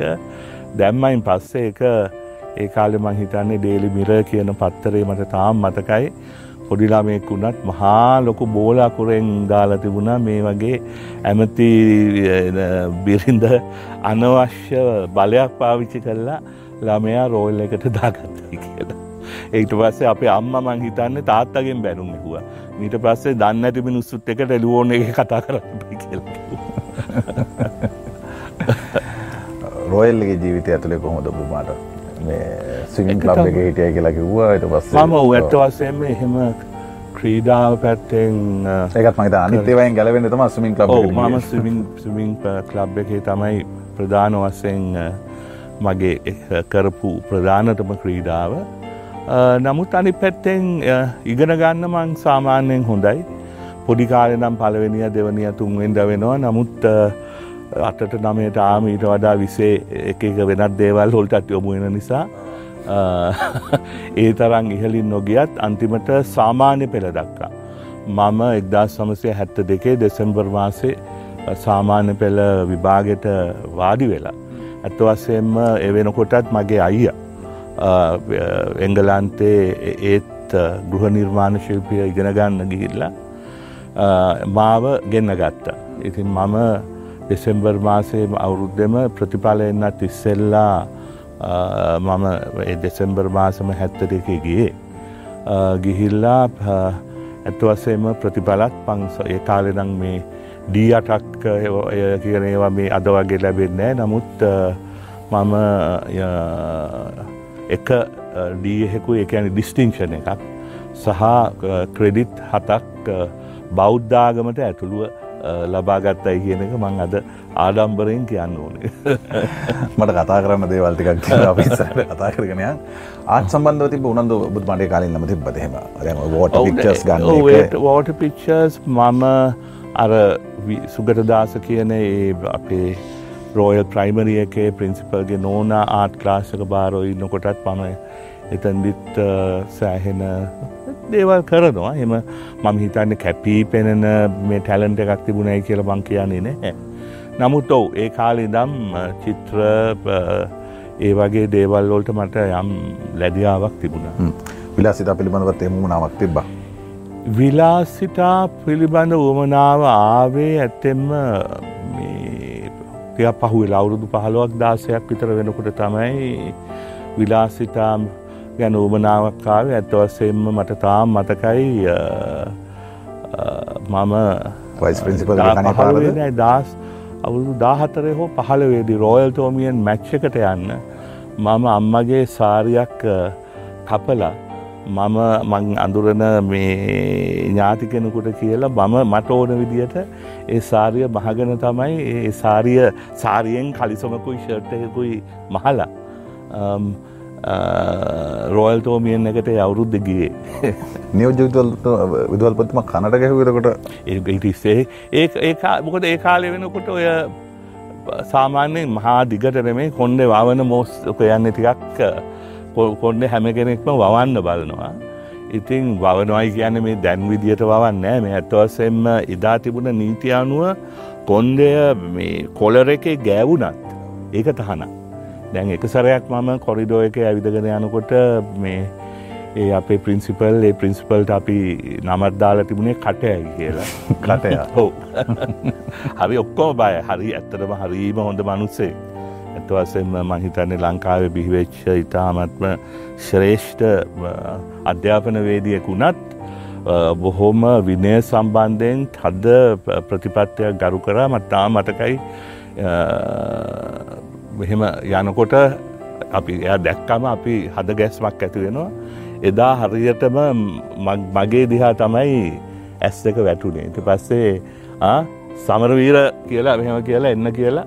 පැත්තකට ගිය ගමම් මෙහෙම මෙහෙම කරා පෙන්නුව මේ යා මෙහෙම මෙහෙම කරලා දෝංගල හමුලට ගැව්වා හිට පස් සිටි එදාම ගිහිල්ලා හවස කොන්්ඩ අර හරි විදියට බොහොම කොටට කපාගත්ත. අපේම ඉමෑජින් ජෝන් ලෙනන්ගේ ඔබතුමයි දෙවනි මතක පදේ. ඔවු ඇත්තවසෙන්ම ජෝන් ලෙනන්ගේ ඉමෑජින් කියන ඒ සින්දුව විතරක් නෙමේ ඒ තැටිය එල්ප එක මම මගේ ජීවිතේ පළවෙනියෙන්ම මගේ කියලා මිලදී ගත්ත එල්ප එක. එදා වගේම ඒ නිසා විපමණක් නෙමෙයි ඒ අදහස. ඒක තියෙන වචන ටික මට අදත් මංහිතන්නේ මේ ලෝකෙට අදාලයි. මොකට එදා මේක මේ මංහිතන හැටියට මේක එක්දස් නමසිය රිලිසුන හැත්ත එක හැත්ත එක හැත්තයට හරි. හැත්ත එකේ වගේ කාලෙකත් මොකට ලංකාවේ අපි අර දකුණේ කැරැල්ලකට මුණදීලා ඇත්තවසෙන්ම අඳුරු නීතියට මුහුණදීගන ඉන්න මේ යුගයක් මොකද ජවිප කැරැල්ල ඇති වුණේ හැත්ත එක අප්‍රේල් අයවෙන්ද. මෙන්න මේ වගේ කාලෙම තමයි ලෝකෙත් මේ බීටල්ස් කියන කණ්ඩායමේ ප්‍රධාන ගායකය වෙච්ච ජෝන් ලෙනන් මේ ඉමෑජින් ඇල්බම් එක නිකුට් කරා එතටම එදාමෙන්ම අදත් මට හිතෙනවා ලංකාවට විතරක් නෙමේ. මේ සින්දුව ඒ කියපු දේවල් අදටත් අදාලයි මොකද මේ ඉමෑජින් කියන මේ සින්දුවෙන් ජෝන් ලෙනන් සිහින දකින්නේ. යුද්ධයක් නැති ඒ වගේම ආගම් ජාති කුලබේද නිසා කුලල්කාගන්නේ නැති සියලු දෙනා ලෝකවාසීන් හැටියට සහෝදරයන් හැටියට ජීවත් වෙන්න පුළුවන් ලෝකයක් ගැන තමයි මේ ඉමෑජින් සිින්දුවේ කියන්නේ. එනිසා මංහිතන්නේ අදත් ඇත්ත වස්සෙන්ම ලංකාවේ වගේ රටක පවා අසූනමේ පවනෙන් ශ්‍රී ලංකා මෑනියන් කියපු ඒ අඳෝනාව අදත් ඒ ආකාරයටම පවතිනකොට මම හිතන්නේ අද එදාටත් වඩා ජාතිවාදය ආගම්වාදය කුලවාදය පවා උග්‍රවෙලා තියෙන මොහොටක මේ ජෝන් ලෙනන්ගේ ඉමෑජින් කියන සින්දුව එදාටත් වඩා අද මහිතන්නේ අපිට අදාලයි. මං අර මුල්ම අවස්ථාවේ වැඩසටහන මුලින්ම පටන්ගත්දිම කිව්ව දෙයක් මේ දේශපාලන සම්බන්ධ කාරණාව පුළුවන් තරන් ඇතින්තියාගන මේ මංගල සමරවීර කියන මේ දේශපාලන නාමයෙන් තොර සිවිල් චරිතය පිළිබඳව කතා බහ කරගත්තොත් හොඳයි කියන එක මේ ඒත් අපට ගෙවුණු කාලය ඇතුළු තුළ ජීවිතය යම් යම් සන්ධස්ථාන තියෙන නිසා ඒවාපට අමතක කරන්න බැරි නිසා ඒවාපට මතක් කරගන්න මේ වෙලාවේ අවශ්‍ය නිසා සමහර දේවල් කතාබහ කරන්න සිද්ධ වේ. ඔබතුමට එක්දසම්සේ අසු වටේ ජූනි මාසේ විසිනම තමයි මංගදැන් මාතර ප්‍රධාන සංවිධායක දුරය හම්බ වෙන්නේ. දේශපාලනය කරන්න මැතිනියගේ පැත්තෙන් එම ආරාධනාවක් තිබ්බා. ඒවගේම අන්ට බණ්ඩාරණයකත් පොඩි දලක් දැම නේද? ඔව. මේ ඒකත් එක්ක මේ මොකක්හරි ඕමනාවක් එන්න පැයි තමන්ට තමන් හිත ඇතුළේ කාගෙවත් ඉන්ෆලුවන්ස එකක් නෙමේනි දේශපාලනයම කියන්නේ. මොකක් දැත්ත වුමනාව තිබ්බ? එක්කො තාත්තා ගිය ගමන් මග ඉස්සරහැට ගෙනියන්නද? නෑ ඇත්තෙම්ම අරමං ගියවැඩ සටහනෙත් කිව්වවාගේ එදදා සමසය අසු හතේ විතර බණ්ඩානායක මැතිනිය අර මගුල් ගෙඩරක අපේ අම්මත් එක්ක හම්බුණ වෙලාවේ මට ආරාධනා කරාම මම ආරාධනාව ප්‍රතික්ෂේප කරේ මම ඒ මොහොතේ හිතුව හිතන් හිටියේ ෆැෂන් ඩිසයින කෙනෙක් හැටියට මට ඉස්සරහට යන්න ලොකූමනාවක් ආසාාවක් තිබුණ. එක ඉදිරියට යන තත්ත්වයකුත් මට පේන තිබුණ. ඒ අතරතුර මම සෞන්දර්ය විශ්වවිද්‍යාලයේ බාහිර කතිකාචාරවරයෙක් වශයෙන් උත් කටයු කරන යුගයක මංගල ඉනසන්ස් කියලතව ක්ෂොප් ෂොප්හෙකුත් තිබා ඇතවසම මංගල ඉනසන්ස් ලේබල් එක මම පටන්ගත්තෙත් ලන්ඩ නොල ඉන්නකොට. ඊට පස්ස මෙහ ඇවිල්ල එක ඉදිරියට ගෙන ගියත් සමාවෙන්න මැදින් පැන්නට යුගෝස්ලෝවයානු නිරූපිකාවක් එක්කත් හෙක නිරූපිමාවක් නෙමේ ඇත්තෙම යෙලෙනා ලැකවිච් කියලා. අපි දෙන්න එකට එක පන්තිය හිටියේ එතු අපි ඒක ඒක ලැකවිචයන් ඉනසන්ස් කියන ලේබල් එකෙන් ගියේ. අපි ඇත්ත වසයෙන්ම සීසන්ස් කීපයක් අපි ප්‍රදර්ශනය කරා. කරලා යම් සාර්ථකත්වයක් ලබාගෙන ඉන්න මොහොතක තමයි මම ලංකාවට එන්න තීන්දු කර. ඇත්තෙම ඒකත් මම කියන්න ඕනේ මොකද අවුරුදු හැත්ත දෙකේ නං අසූ දෙක විතර වෙනකම්ම ලන්ඩනොල හිටපු නිසා. මට ඒ වෙලාවේ අවශ්‍යනං එහෙ පර්මණන් ප්‍රසිඩන් සේම නැත්තම් පුරවැස්සෙක් බවට පත්වීමේ මේ අද වගේ අද තරං අමාරු නෑ ඒ විස ගන්න. නමුත් එදත් මම හැමවෙලේ මම අම්මත් ඒත් කිව්වේ ඇයි ඇයි ඕන්න දිගටම ඉන්න කියලා මංකුව නෑ මම කැමති ලංකාවට ඇවිල්ලා. මොකද ඒ වෙනකොට ෆැෂන් ඩිසයින් ටෙක්ස්ටයිල් ඩිසයින් සම්බන්ධයෙන් කිසිම කොඩිෆිකේෂන් එක කවුරුවත් හිටිය නැති නිසා. ඒ මගේ දැනුම ලංකාව තුළ ඇති කරන්න ඕනේ කියන විශ්වාසය උද ඇවිල්ලා ඊට පස්සේ විජයපාල මෙන්ඩිස් ඇමතුමා තමයි එතකොට අදාලාමත් ඇමතිවරය හැටියට මට ආරාධනා කරා මම පේෂකර්ම දෙපාර්තුමේන්තුවේ කුඩා කර්මාන්ත දෙපාර්තුමේන්තුවේ උපදේශකවරයෙක් හැටියට එතුමා ස්තුතිවන්ත වෙන්න වැඩ කර. ඊට පස්සේ මම සෞන්ඩ්‍යාරයකේ ඉඳලා ඊට පස්සේ බුද්ධිපතික් එකේ බුද්ධිකීති සියන එකත් වැඩ කරලා ඒ වගේම බූඩි එදා පුංචි බොහොම බොහොම දක්ෂ නිර්මාණශීලී කෙනෙක් හැටියට බොහොම ඒ ඒ වගේ කාලයක් ගත කරලා බුඩි කියන නමත් ඔබේ.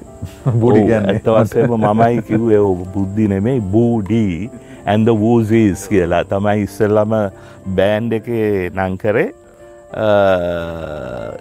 කොමහරි මෙන මේ වගේ යුගයක තමයි මට ආරාධනාව ලැබුණේ මට හිතුණා ඔවු දේශපාලනය මං මේ ආරාධනාව පිළිගන්නවා මොකද තරුණ වයේදී අපි හැම කෙනෙක්ම හිතනවා අපිට ලෝකෙ වෙනස් කරන්න පුළුවන් ලේසියෙන් කියලා. ඉතින් මහා මේ තියෙන වෙනස කරන්න පුළුවන් මේ මිනිමැරුම් නවත්වන්නට පුළුවන් ලංකාව තුළ ඉතාමත්ම අලුත් සුන්දර ලෝකයක් නිර්මාණය කරගන්න පුළුවන් වෙයි කියන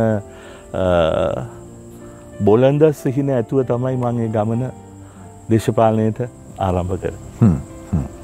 හොඳයි දැන් මාතර ඒ කාල වකවානුව වෙද්දි මාතර නෙමේ මුළු රටේම තිබ්බ තත්ත්වයක් තිබ්බා මේ පැවතුණු තත්ත්වය ඇතුළේ මේ අලුත් දේශපාලන ගමනක් යන පුද්ගලයෙක් විදිර කොහොමද මේ ජනතාවගෙන් ලැබුණු සහයෝගය සහ කොහොමද එහෙම ටිකක් හරි ඉරණම්කාරී ගමනක් වගේ ඒ කාලය. මම ඇත්තවසෙන් මේක අලුත් ගමනක් යනොයි කියලා මටනම් කවදාවත් හිතුන් නෑ මම මගේ හැඟීම් සහ මගේ විශ්වාසයන් අනුව තමයි එදා තිස්සෙක් තිස් අවුරුදු තිස්ස එකේ දෙකේදී දේශපානයට ඇවිල්ලා අද දක්වා මම ඒක අලුත් ගමනක් යනවයි කියලා හිතාගෙන දෙකට වඩා මගේ විශ්වාසය සහ මගේ ඇගීම් අනුව මම මේ ගමන ඉස්සරහට යන්න පුළුවන් කියලා හිතාගෙන ආවා. ඒ ගමනේදී යම් සාර්ථකත්වයක් යම් යම් මොහොතවල තිබුණා. ඇත්ත වශයෙන්ම රටක් හැටියට නම් අපි ඉදිරියට ගිහිල්ලා නැහැයි කියන එක අද මම ලැජ්ජාවෙන් හරි පිළිගන්න වෙනවා. මුල්ම දේශපාලන මිතුරා කවුද? මුල්ම දේශපාලන මිතුරා අපේ මහින්ද රාජපක්ෂ මැත්තුමා. මොකද මට තාම් මතකයි. පලවෙනි වතාවට අර කිව්වාගේ ජුනි මාස්සේ විසි නමේද කොහෙද මාතරාසනය සංවිධායකවරයා වෙලා. සංවිධායකවරුන්ගේ ඉස්සෙල්ලම රැස්වීමට ශ්‍රී ලංකා නිදහස් පක්ෂයේ මූලස්ථානයට ඩාලිපාරි තියෙන මූලස්ථානයට මේ මට එන්නේ කිව්වා මේ පළවෙනි රැස්වීමට ගිහිල්ලා. බණ්ඩානායක මැතිනිය එනකං අපි ඒ සංවිධායකරු ඔක්කොම රැස්වල ඉන්න මොහොතක මං කවුරුවත් දන්නේ. මම නිකං අර මේකෙන් එලියට දාපු මාළුවෙක් වගේ ටිකක් ලැජ්ජාවෙන් කොනකට වෙලා ඉන්නකොට. මට තාම මතකයි මහින්ද රාජපක්ෂ මගේ ළඟට ඇවිල්ලා ඔයා නේද මහනාමගේ පුතා කියලා. ඇත්තම අනේ කතාවත් එක්ක තමයි අපේ මිත්‍රත්වය ගොඩ නැගුණ. ඊට පස්සේ ඇත්තෙම පසු කාලයේදී චන්ද්‍රිකා කුමාතුංග මැතිනියගේ පක්ෂයට ඇතුල්වීමත් සමග අපේ යම් ඈත්වීමක් සිදුවනත් ඒ අනු දෙක අනු තුන වෙනකං පක්ෂය තුළ හිටපු අපි හැම දෙයක්ම බොහොම සහෝදරත්වයෙන් කටයුතු කරපු කාලයක්. ඇත්වසෙන්ම එදා හීනකින්වත් කවුරු හරි කිව්වනං එහෙම යම් කිසි දවසට පහින්ද රාජපක්ෂ මගේ ප්‍රධාන දේශපාන හතුරෙක් වෙයි කියලාවත් එහෙම කිව්වන මම නම් විශ්වාස කරන්නේ ඒ තරම් තරම් කිට්ටු කිට්ටුයි අපි අනිත්තකයි මහින්ද අද මේ රඟපාන චරිතය නෙමේ මම අදත් කියන්නේ මහින්ද ඇත්ත මහින්ද රාජපක්ෂ කියන්නේ ඔය තරන් දුෂ්ට කුහක ජාතිවාදී ආගම්වාදී කෙනෙක් නෙමෙයි මං හොඳට දන්නවා. නමුත් උද්දේ ජයග්‍රහණයත් එක්ක මහින්ද එතැන්ට තල්ලු කර. ඇතවසේම මහා රජානෝ කියන චරිතය රඟපාන්නට පටන් ගත්තේ මේ දෙදස් නමයෙන් පස්සේ. කවු දෙක කරේ. එතන ඒ ඇතිවෙච්ච බලවේගයන් ඇත්තවසේම අන්තිමට මේ රටේ ප්‍රතිගාමිත්වයට විරුද්ධව යසූ නමේ ඉදම්ම සටන්කරපු ඒ දැවන්ත පුද්ගලයා. ප්‍රතිගාමිත්වේ සිරකරුවෙක් බවට පත්වෙලා අද මේ රටේ ප්‍රතිගාමිත්වේ සංකේතය බවට පත්වීම ගැන මං කටගාටු වෙනවා නමුත් මන් තාම හිතෙනවා මහින්ද ඉන්දට ගියාම දන්නවා. මේ එයා කරන්නේ රඟපෑමක් විතරයි. මහින්ද අදත් මම හිතෙනවා හදවතේම ප්‍රජාතන්ත්‍රවාදය. ඇත්වසම හදවතින්ම ජාතිවාදයෙක් නෙමෙයි. හදවතින්ම ආගම්වාදයකුත් නෙමේ. නමුත් ඒක ඒ තහත් පස්සම වෙනස් ගෝටාබේ රාජපක්ෂ කියන්නේ නම් මං එහෙම කිට්ටුවෙන් ආසය කරපු කෙනෙක් නොවනත්. මම පැහැදිලිවම හිතනවා මහින්ද හදවතින්ම ප්‍රජාතන්ත්‍රවාදයෙක් නම් ගෝටාබේ රාජපක්ෂ කියන්නේ හදවතින්ම ෆැශිස්වාදයක් කියලා. රජුන් තනන්න කියලා කිව්වේ ඔබටනේ ඔබ තමයි රටේ දේශපාලන සිතියම වෙනස් කරන්න කියලා තමයි ඒ කාලේ කතාව තිබුණේ. බොරු මට කෙනෙකුට තනියෙන් රජුන් තනන්නත් බෑ. රජුන් විනාශ කරන්නත් බෑ. නමුත් ඔව් මම දේශපාලනය කරනකොට අනිත් හැම දෙයක් කරනවා වගේම ඒකට බොක්කෙන් බැහැලා බොක්කෙන්ම ඒ වෙනුවෙන් පෙනී ඉන්නවා. ඒ නිසා යම් ශක්තියක් විශේෂයෙන්ම අනු හතරේ චන්ද්‍රිකා මැතිනයගේ කැම්පේෙන් එකට දෙදස් පහේදී මහින්ද රාජපක්ෂට පක්ෂ භාගයක් වැඩ නොකොරන වෙලාවක කැම්පෙන් මැනේජ හැටියට ඒවගේම දෙදස් පහළවේදිත් මෛත්‍රපාල සිරිසේන මැත්තුමාගේ එක පොදුවේ චන්ද්‍රිකා කුමාර්තුන්ග මැතිනය ඇතුළු රනිල් වික්‍රමසිංහ තම එකට ශක්තිය දුන්නේ. නමුත් එතන්දිත් යම් දෙයක් කරන්න පුළුවන් වුණ නමුත් රජුන් තනන්නෙක් කියන දේ ගැන මං කියලනම් මම හිතන්නේ. දැන් ඔච්චර ළඟ සමීප සම්බන්ධතාවයක් තියෙද්දි මේ සහ එච්චර විශ්වාසකින් ඔබට දෙයක් බාර දෙද්දිත් පසුකාලීනව හරිහෙම මේ ඔය ඔය කියන දුෂ්ටකං ඔය තියෙන වෙනස්වීම් ඔය රඟපාන චරිතය මේ වෙනස් කරගන්න බැරි වුණා දෙහෙමටයක් සුහදත්තේ හරි කතාබා කරලා මේක සුහදත්වයෙන් වෙනස් කරන්න පුළුවන් ප්‍රශ්න නෙමෙයින මේක ඇතවසෙන්ම දේශපාන ප්‍රතිපත්තිමය කාරණා. මොකද මෙතන මමනන් දකින්නේ මම පැහැඩලිවම අපි අස්සූ අටේ අර මහින්ද ඔයා නේද මහනාමගේ පුතා කියලා ආරම්භ කරපු ගමනේදී. මම මගේ ප්‍රතිපත්ති අද දක්වා රැකල තියෙනවා මම ඒ ප්‍රතිපත්තිවලින් ඇත්තුනේ නෑ. කවුරු මොනවා කිව්වත් මොන විදියට බැන්නත් මොන විදියට කුණුහරප කිව්වත් බොන කවුරු ඇවිල්ල පොල් ගැහුවත් මම මගේ ප්‍රතිපත්ති වෙනුවෙන් එදත් පෙනී හිටියා අදත් පෙනීන්නවා නමුත් මහින්ද රාජපක්ෂ ඒ අපේ තිබුණ ඒ පොදු ප්‍රතිපත්තිවලින් ඇත්වෙන්න පටන්ගත්තේ දෙදස් හයේ දෙදස් හතේ විතර. මොද ඒ වෙලාවේ මම දැක්කා විශේෂම දෙදස් පහේ ජනාධිපතිවරයා වෙලා. ඊට පස්සේ එමරිකාවේ මේ MCC ගිවිසුම ලබාගන්නට අත්සං කරන්න හිටිය එතුමා. එතුමා ගිවමනාවට සෙප්ටෙම්බර් මාසේ දෙදස් හයි එමරිකාවේ කොන්ඩිලිස රයිස් මැතිනියත් මමත් ඒ සියලු සූදානන් කල්ල තිබුණ මොහොතක තමයි ලංකාවේ සුදුවෑන් සංස්කෘති ආරම්භ වුණා. රවිරාජ වගේ මන්ත්‍රීතුමන්ල වෙඩි තියන්න පටන් ගත්තා මරන්න පටන් ගත්තා. අපේ දෙමල තරුණය උත්සලා කප්පම් මිල්ලල දෙදුන් නැති වුණාම කොළඹඩි එකොළහක් මැරුව. නඩුව තාම යනවා. පිර්කුණාමලේ අර ෆ්‍රෙන්ච් ඒඩ්වර්කසා දාහත් දෙනෙදකු හෙද වෙඩි තියලා මැරුව. මේවත් එක්ක මම දිගින් දිකටම මහින්ද රාජපක්ෂ මැත්තුමාට මම එවෙලෙත් මම හිතුවේ එතුමාට ඕන දෙයක් කියන්න පුළුවන් කතා කරන්න පුළුවන් මිත්‍රයෙක් ඇටියට. මම මේ යන ගමන ගැන විවිධාකාරයට එතුමත් එක්ක කතා කර. අන්තිමට බැරිම තැන මම දෙදස් හයේ දෙසම්බර් මාසේ දහතුන්ෙන්ද එතුමාට දහත් පිටු දහටුනක අතින් ලියපු ලියවමක් ලිව්ව. මොකක්වත් මේ මගේ ප්‍රශ්න මේ යන විදිය මෙහෙම ගියොත් රටක් ඇටියට අපි ජාත්‍යන්තරයෙන් කොන් වෙනවා සම්බාධක ඇතිවෙනවා මම එතකොට විදේශ ඇමති. නමුත් ඒ ඒක නිසා මේවට අපි යම් විස්තුම් සොයන්න ඕනේ. මේවා වැරදි වෙලා තියෙනවනම් වැරදිකාරයන්ට දඩුවම් කරන්න ඕනේ.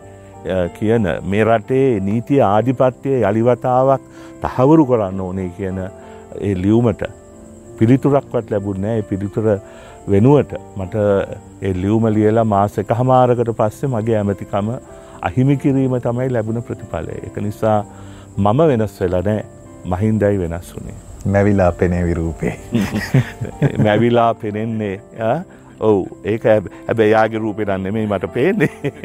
රුක්මණී දේවි කියන මම ඉතාමත්ම ආස ගායිකාවක් වන් සිංහල සංගීතයේ දැනුම සීම සහිට වනත් මම ආසම සිින්දු දෙකක් තියෙනවා එකක් මේ මැවිලා පෙනේ විරූපය අනිත්තක විජයකුමාර්තුන්ගගේ මොකද රැල්ලෙන් රැල්ලට කියන මට මේ ඒකත් මෙත ලොකු ප්‍රශ්යක් වුණ කොහොමද මේ දෙකේ මොකක්ද තෝරන්න කියලා.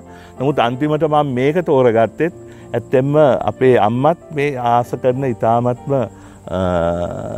ආස කරන සිින්දුවක් මේ රික්මණී දේවික සිින්දුව අනිත් එක මේක මේ මම අහනකොටත් තාමත් මට මැවිල පේනෙ මගේ අම්මා.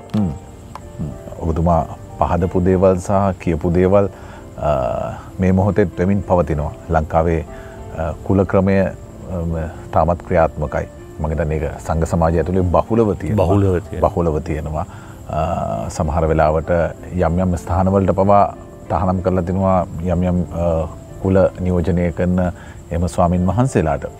මේ ඉතින් ඒ පිළිබඳව අපි කොහොමද විවෘත ඇසකින් කතා කරන්න කියන අපට නැවත නැවත හිතන්න වෙයි හැබැයි මේ දැන් මේ මේක මේ මම මේ කියන්න හැදුව දැන් මාතර දිස්ත්‍රික්කයක් විදිර ගත්තාම අපි ගැන කතාවටත් ගෙන මාතර කියන වෙන රටක් කියලා.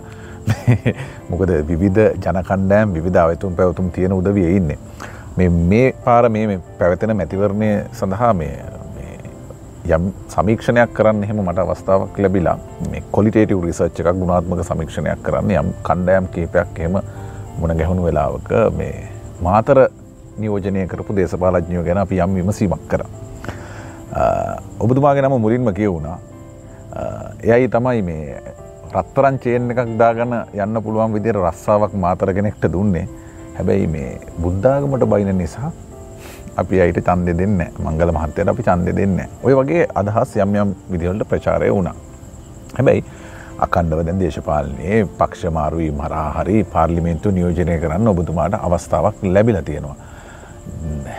මෙතුවක් කාලෙකටත් මේක මේ කුල ක්‍රමය මේ ජාතිබේදය මේ ආගම්බේදය මේක නැති කරන්න එහෙම අපට බැරි වුණේ ඇයි? කොතනද අපට විධ රාජ්‍යනායකයෝ නියෝජනය වුණා? අපේ රට ඇතුළේ ඔවුන් එක් ඔබල අවුරුදු තිහක් විතර දේශපාලනයෙන් වැඩ කර. විවිධ සම්බන්ධකම් තිබ්බ. එතනින් එහාටත් හැබැයි අපට පොඩි සාධනීය අඩිතාලමක් තියන්න බැරිවුණේ ඇයි?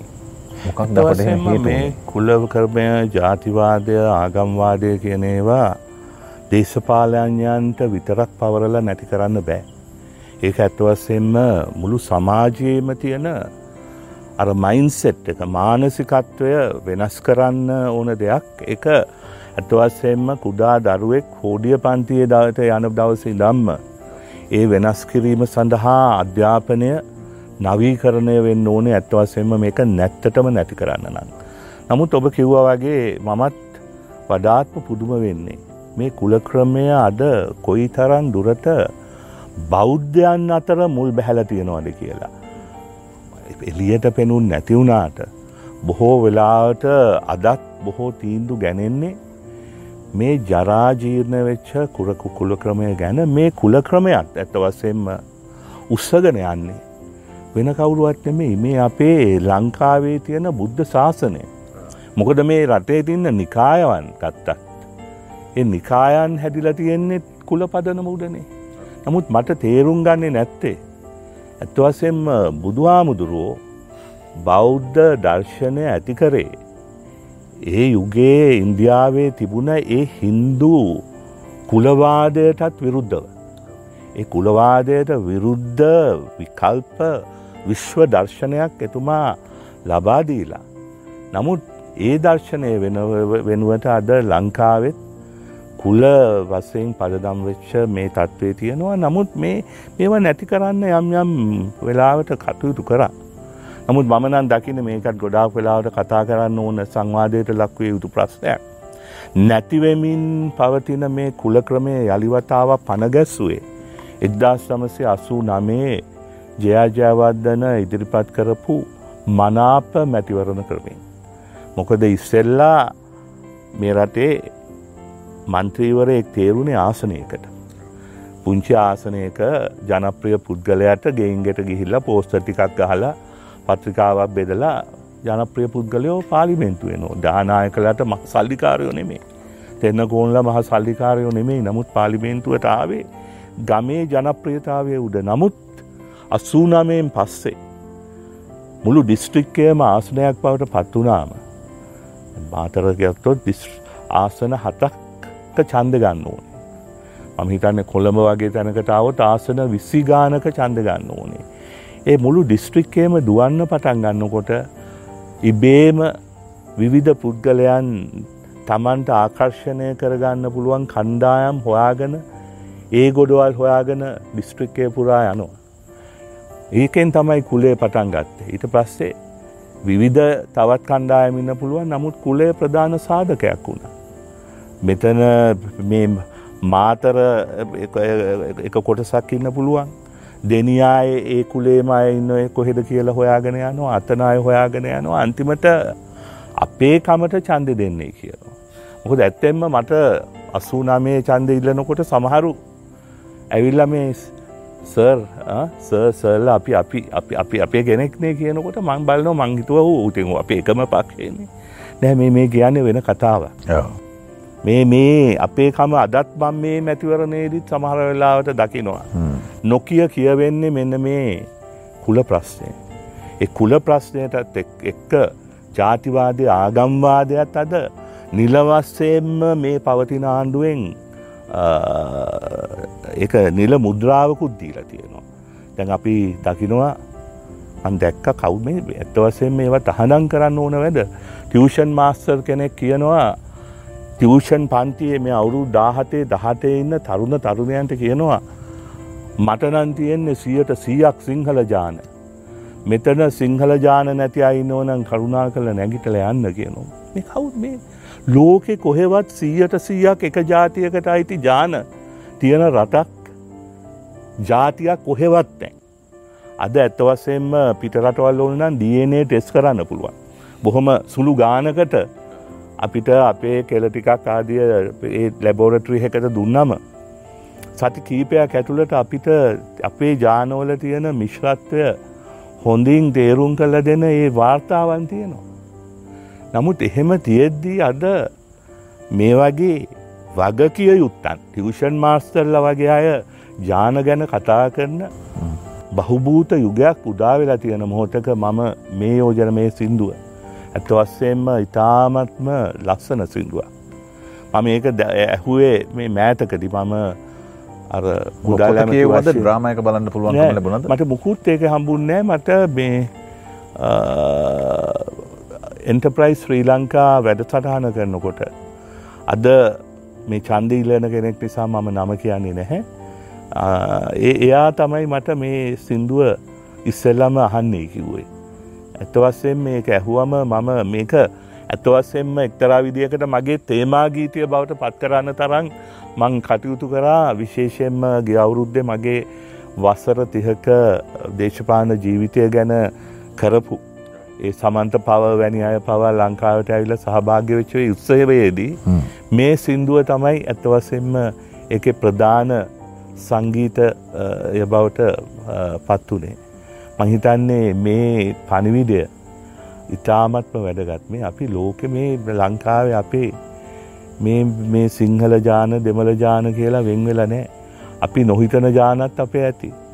මන් දැකලදත් මන් දැක්ක ළඟදි වාර්තාව ස්විත්සල්ලන්ටේ ඉන්න සමහර සුදු ජාතිකයන්ගේ DNA වාර්තා බැලුවම ඊජිප්තුවේ තියෙන දීනදියනුන්ට එයයි ඉතිහාසය එකතු වෙලා තියෙනවයි කියනවා පේනවා. ඉතින් ඇත්තවස්සේම මමත් හරි ආසයි මමත් මේ ඉන්න ඒ වගේ DNA කරන්න පුළුවන් කට්ටියක් ලංකාවට ගෙන්න ගන්න එක ඉතා සුදුසුයි මොකොද වැඩි ගානක් යන්නෙත් නෑ මේ වගේ මෝඩ ප්‍රතිගාමී භයානක අදහස් තියෙන.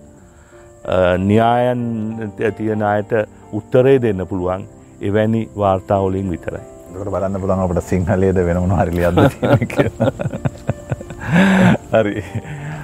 චන්ද්‍රිකා බණ්ඩාරණය කුමාර්තුන්ග මහින්ද රාජපක්ෂ ස්B දිසානායක මේ ඔබේ ජීවිතෙත් යම් යම් කාල පරිච්චේදවල බොහොම ළඟින් ඇසුරු කරපු පුද්ගලු.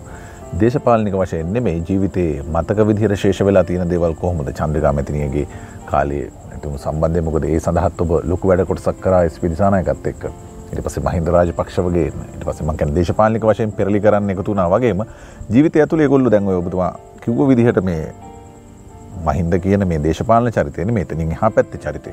ඒ කොහොමද වින්ද ජීවිතය ඇතුළේ නෑ ඔබතුමා ඔය කියපු නං ටික ගත්තොත් ඇත්තවස්සෙන්ම අදත් මගේ මිත්‍රයෙක් සහ කිට්ටුවෙන් ආශ්‍රය කෙනෙක් කරන කෙනෙක් මම මිත්‍රයෙක් හැටියට පමණක් නෙමෙයි දේශපාලඥයෙක් හැටියටත් වඩාත්ම ගරු කන කෙනෙක් තමයි චන්ද්‍රිකා කුමාරතුංග මැතිනිය මොකොද ඇත්තෙම්ම එතුමියගේ ඒ ජනාධිපති දුර සමය ගැන මහිතන්නේ මේ රටේ ජනතාව අගේ ඇගීමට ලක්කන්නවා මදි. පසුගිය කාලෙක ඔය දකුණු අධිවේගී මාර්ගය වෙන්න පුළුවන්. එහෙම නැත්තං යාපෝට් එකට යන අධිවේගී මාර්ග වෙන්න පුළුවන්. එහෙම නැත්තං ඔය කලා ප්‍රධාන කලා ගාර මේ ආදිය වෙන්න පුළුවන් මේ ඔක්කොම එතුමියගේ දහදිය මහන්සෙන් ආරම්භ කරපු දේවල් තමයි පසුගිය කාලේ වෙනත් අය නංගහගත්තේ. ඇත්තෙම්ම ඒ කාලේ මංහිතන්නේ ලංකාවට අලුත් සිහිනයක් අලුත් බලාපොරොත්තුවක් අලුත් අනාගතයක් ගැන හැඟීමක් ඇති කරන්නට එතුමියට පුළුවන් වුණ. ඒවා සාර්ථක ඉටු කරන්නට බැරිවීමේ හේතු තිබුණත්. මම හිතන්නේ යුගයක් හැටියට ගත්තොත් ඇතවස්සෙන්ම වඩාත් සුන්දර වූ දේශපාන යුගයක් හැටියට මම ඒ ආණ්ඩුවෙත් ඇමතිවරෙක් හැටියට හිටපු නිසා විතරක් නෙමේ රටක් හැටියට ගත්ත. ඇත්ත වස්සයෙන්ම තව කාලයක් ගිහිල්ලා මේ රටේ ඉතිහාසය අලිවතාවක් ලියවෙනකොට. මහිතන්න එතුමියගේ කාලේ ඒ ගත්තා වූ ක්‍රියාමාර්ගයන් ගැන ඒ බලාපොරොත්තු ගමන් මාර්ගය ගැන මීට වඩා විශාල ඇගීමකට ලක්වෙයි කියලා මම හිතනවා. අනිත් එක අපි ගරු කරන්න ඕනේ එතුමියටත් තිබුණා මේවා එතුමිය සහ ජයාර් ජයවර්ධන විතරයි. ව්‍යවස්ථාව අනුව වාර දෙකක් ඉන්න පුළුවන් ඒ වාර දෙක ඉඳලා ගිහිල්ලා විශ්‍රාම ගියා. වින වේවා වෙනස් කරන්න නීතිරීති වෙනස් කරන්න උසාවී වලට බලපෑම් කරන්න කිසි උත්සාහයක් කරේ නෑ. අන ඒවයි ඒකයි අපි නවීන නායකත්වයක් මේ රටට අවශ්‍යයි කියන්නේ. නමුත් ඊට පස්සේ අවාසනාවකට මහින්ද රාජපක්ෂ යුගයේ රාජපක්ෂ යුගයත් එක්ක මේ රටේ තියෙන නීති ආධිපත්‍යය සියල්ල ආපස්සට ගිහිල්ලා එදාටත් වඩා භයානක තැනකට අද ඇවිල්ලා තියෙන. අධිතනීන නායකත්වය ගැන ඇත්තරම් පැහැදිලි අදහසමක් දුතුමයි දේශපාල මතවාදයෙන් තොරව දැන්ගන්න වර්තමාන නායක මේකයි මම ඇත්තවම කිව්වේ මගේ නම් ලොකු බයක් තියෙනවා. ම වැරදිී කියල මම ප්‍රාර්ථනා කරනවා. මොකොද අද මාස හතක් වැනි කෙටිකාලයක් තුළදි මේ රට මහා විනාස්සයකට ඇද දාලා තියෙනවා. එතුමාට එතුමාගේ අතීතය ගැන යම් යම් දේවල් අපි හල තිබුණත්. එතුමාට යම් හොඳ දේවල් කරන්න උමනාවකු තියෙනොයි කියලා මට පේනවා. නමුත් අනි පැත්තෙන් එතුමාට එසේ කරන්නට අවශ්‍ය අත්දැකීම් පසුබිම එක්ස්පීරියන්ස් එක නැහැයි කියන එක මේ දවස්වල හොඳට මොප්පු වෙනවා. එතුමා මේ අද ආර්ථිකය මේ ආර්ථිකය කඩාගෙන වැටෙන්නේ කොරෝනා වෛරසය නිසා නෙමෙයි විශේෂයෙන්ම කරන්න බැරි පොරොන්දු ටිකක් පසුගේ ජනාධිපතිවරණයේදී දීලා බදු සහන දීලා.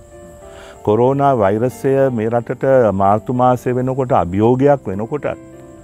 ඇත්තෙම්ම මේ ආර්ථිකය කඩා වැටමින් තිබුණේ. ඒකට කොරෝනා වෛරස අභියෝගයක් එක්ක අද සම්පූර්ණයම ආර්ථිකය විනාශ මුකයකට තල්ලු වෙලා ඊළඟ මාස දොළහ තුළදී මුළු ලංකාවම බංකොලොත්වීමේ ප්‍රවණතාවයක් දකින්න පුළුවන්.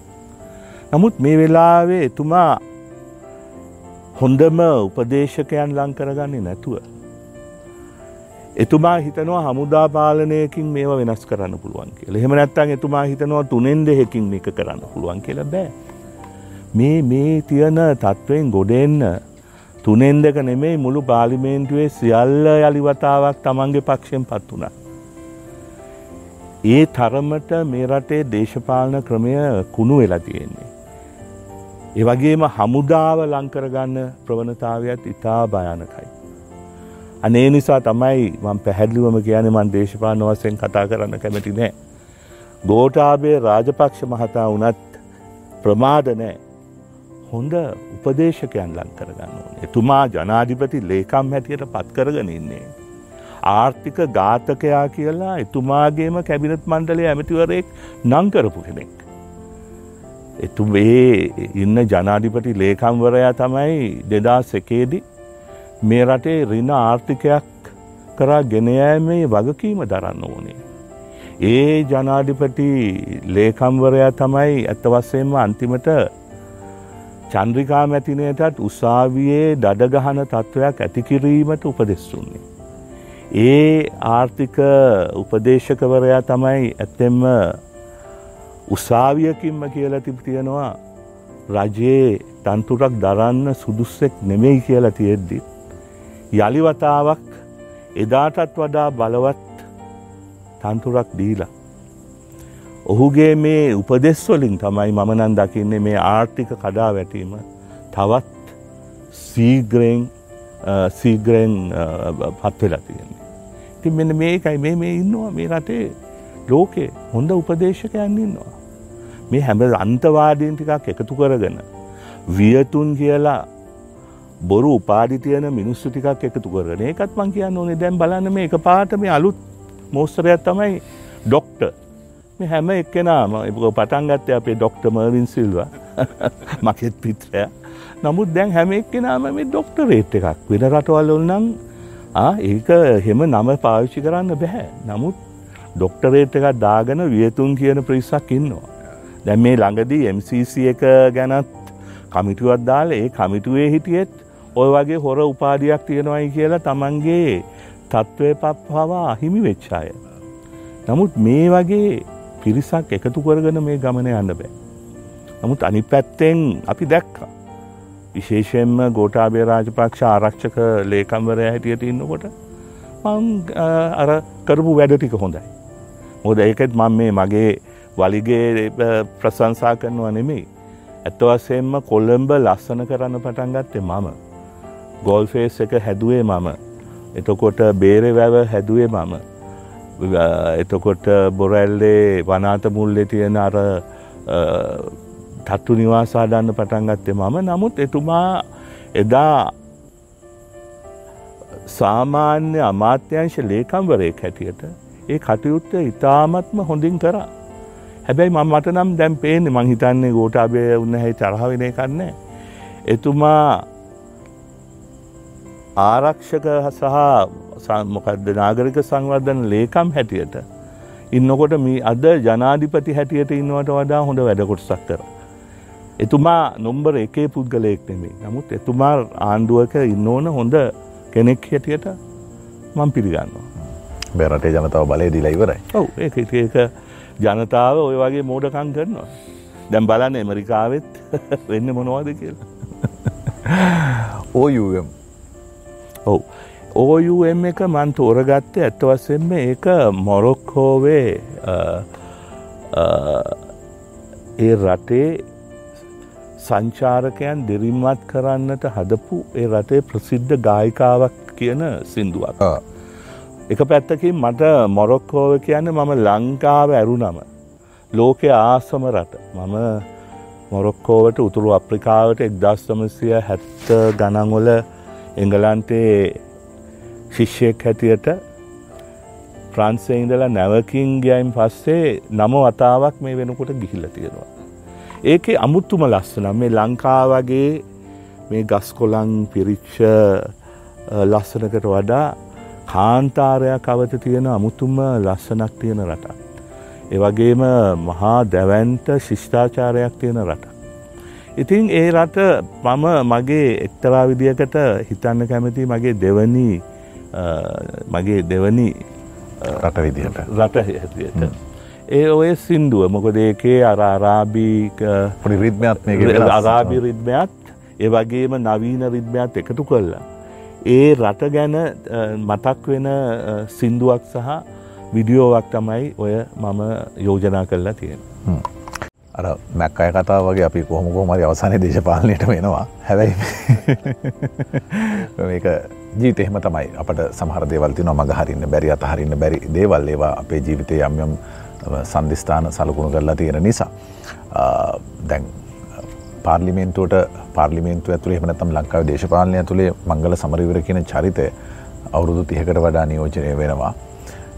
එතකොට දැන් ඔබතුමන් අපේ රටේ කරපු සියලු ආණ්ඩුවල ප්‍රකට අමාත්‍යවරයෙක් විදිහට එමනන්න ප්‍රබල අමාත්‍ය විදිහෙක් අමාත්‍යවරයෙක් විදිහට නියෝජනය වුණ.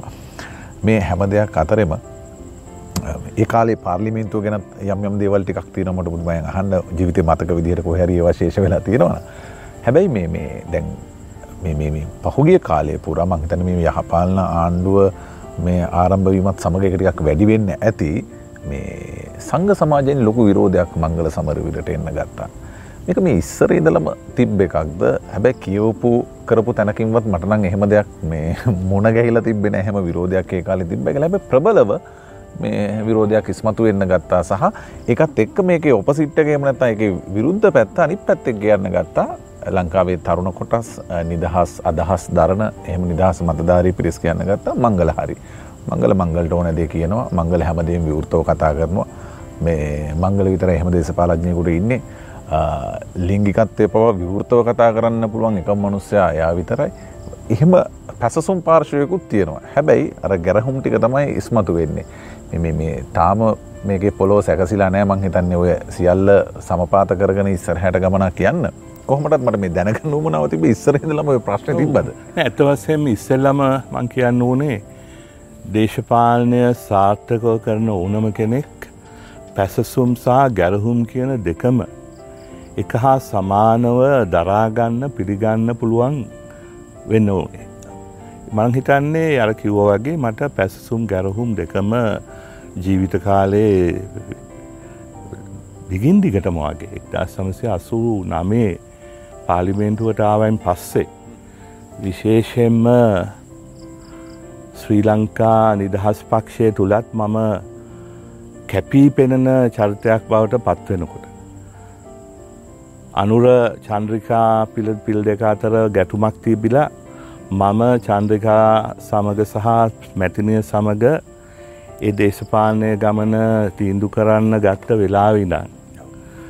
මට ඒ ප්‍රහාර එල්ල වුණ ඒ පැත්ත කට්ටියගේ දැ උදාහරණයක් හැටියට මට අර මම මගේ ලිංගිකත්වය ගැන අර කියපු විදියට මම ඒක ප්‍රසිද්ධයේ කතා කරේ නැති වුණත් එක රහසක් නෙමේ.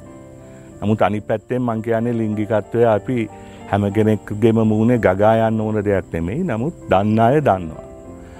ඒ නිසාම ඒ නිසාම වෙන්න ඇති මට තාම් මතකයි ඉදස් නමසය අනූ ගණන්වල චන්ද්‍රිකා ලංකාවට ආපු අලුත.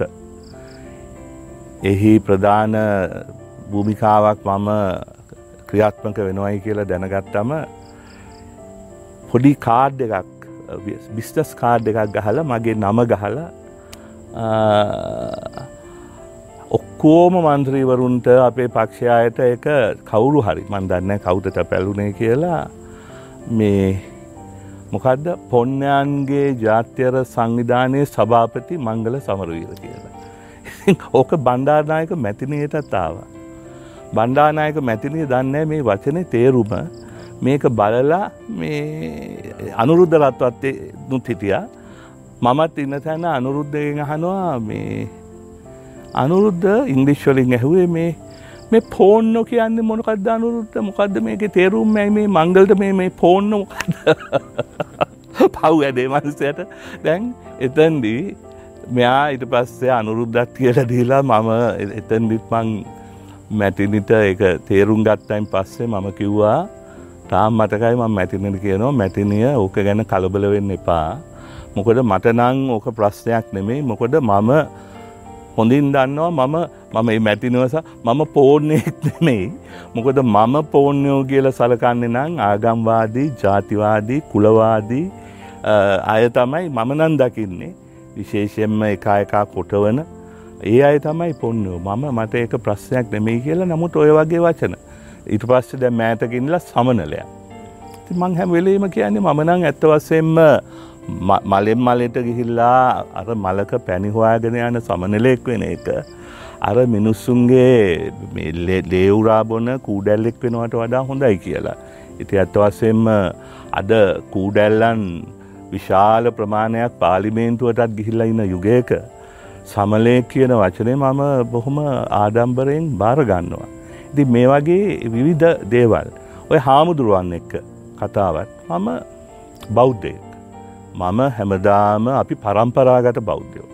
මම එක මේක කීපවතාවක් මේ මෑතකදිත් කිව්වා මේ ප්‍රශ්න නිසාම අපි පොඩිකාලේ අපේ ආත්තම්මත් එක්ක බණහනකොට පෝය දවසේ බණහනකොට රේඩියෝ එකේ බණහන්න වාහනුවනන් ආත්තම්ම අපිට පුටුවක වාඩි වෙන දෙන්න ඕන්නෑ රේඩියෝ එක මෙතන් තියෙනව නම් අපි ඉන්න ඕන බිම බිමේ අපි ඒ තරන් අපිව අපිට අපිව ගෙනාවේ ස්වාමීන් වහන්සේලාට විශේෂයෙන්ම බෞද්ධ දර්ශනය කියා දෙන ස්වාමීන් වහන්සේලාට ගරු කරන්න ඕනේ කියලා හැම විදිහටම. නමුත් ඒ නිසාම වෙන්න ඇති.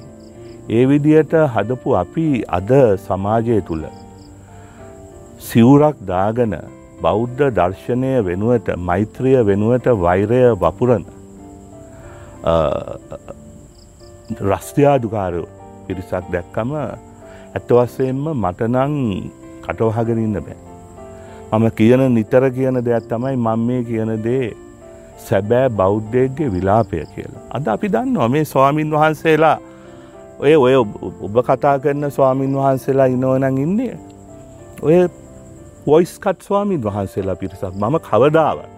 අපේ ගෞරණීය මහසංගරත්නයට නින්දා කරලත් නෑ නින්දා කරන්නෙත් නෑ. නමුත් රූපවාහිනි ආයතන එක අයිතිකාරයක්ගේ උමනාවට. එහෙම නැත්තං ඒ වෙලාවට දෙන මුදලේ වටිනාකම අනුව. එහෙම නැත්තං ඒ අයට ලබාදීලා තියෙන SUV වාහනයක් වෙනුවෙන් වෛරය වපුරනකොට. කුඩු වෙලෙන්ඩං වෙනුවෙන් පෙනීන්නකොට මටනං ඒ වෙනුවෙන් කටවහගෙන ඉන්න පුළුවන් තත්ත්වයක් නෑ. අනේ නිසා තමයි මම මෑතකදිත් කියන්නේ. අද බෞද්ධ ආගම මහා අභියෝගයකට මුණ දීලා තියෙන නමුත් මේ අලුත් දේවල් නෙමෙයි. මුදුරු හාමුදුරුවන්ගේ කාලෙ මේ වැනි සංඝකල්ලි තිබුණා. පරක්‍රම් බාහු රජුරුවන්ගේ කාලෙ මෙවැනි සංඝකල්ලි තියලා මං හිතන්නේ විශාල සංඝයා වහන්සේලා පිරිසක් ශාසනයේ සිදිය නොයුතුයි කියලා ශාසනයෙන් නෙරපුවේ නිකං නෙමෙයි අර අච්චු ගහල පිටේ. අයිමත් එන්න බැරිවෙන්න. අදත් එවැනි තත්ත්වය මම කියන්න මම නං හරකෙකුගේ පිටේවත් අච්චුවක් ගහනකට මම පෞද්ගලිකව විරුද්ධයි මම කියන්නේ නැත්ත හෙට කියන්න මේ හාමුදුරුවන්ගේන්ගේ අච්චු ගහන්න කිව්වයි කියලා හන ගහන්න හන ගහන්න කිව්වත් කියලා ඇබත් නමුත් අද සංගායනාවක් අවශ්‍යයි. මේ රටේ සංගායනාවක් අවශ්‍ය යන්න එතන්දි තමයි. ගෝටාබේ රාජපක්ෂ මැත්තුමා ඉතාම සද්ධාවන්ත බෞද්ධයක් හැටියට පෙනීන්නවන. එතුමාට පුළුවන් ඇත්තවසෙම රජයේ වියදමින් මෙවැනි සංගායනාවකට යන්න. නමුත් අනිත් දෙවනි ප්‍රශ්නය මේ අලුත් දෙයක් නෙමේ මම හැමදාම මේ වෙනුවෙන් රණ්ඩු න මේ අද ඊය දෙයක් නෙමේ මට තාම් මතකයි එක්දා සමසය අනු හතේ සුදුනැලුම් ව්‍යාපාරය තවලම යනු කොටත්. ඒකට විරුද්ධව භික්‍ෂූන් වහන්සේලා අන්තවාදී ජාතිවාදී ඔය මේ මේ පිරිසම වගේම තමයි එදත්. මේ ඇවිල්ලා සිංහල බෞද්ධ කොමිසම් වාර්තාවක් කියලා එලියට දැම්ම. ම මේ වෙලේ රජයේ මාධ්‍ය ප්‍රකාශය හැටියට කිව්වා මෙවැනි අන්තවාදී ප්‍රකාශන නිසා තමයි මේ රටේ මේ මෙවැනි තත්ත්වයන් ඇති වෙලා තියෙන්නේ. අන්තවාදයෙන් පෝෂණය වෙන්නේ අන්තවාදය විතරයි.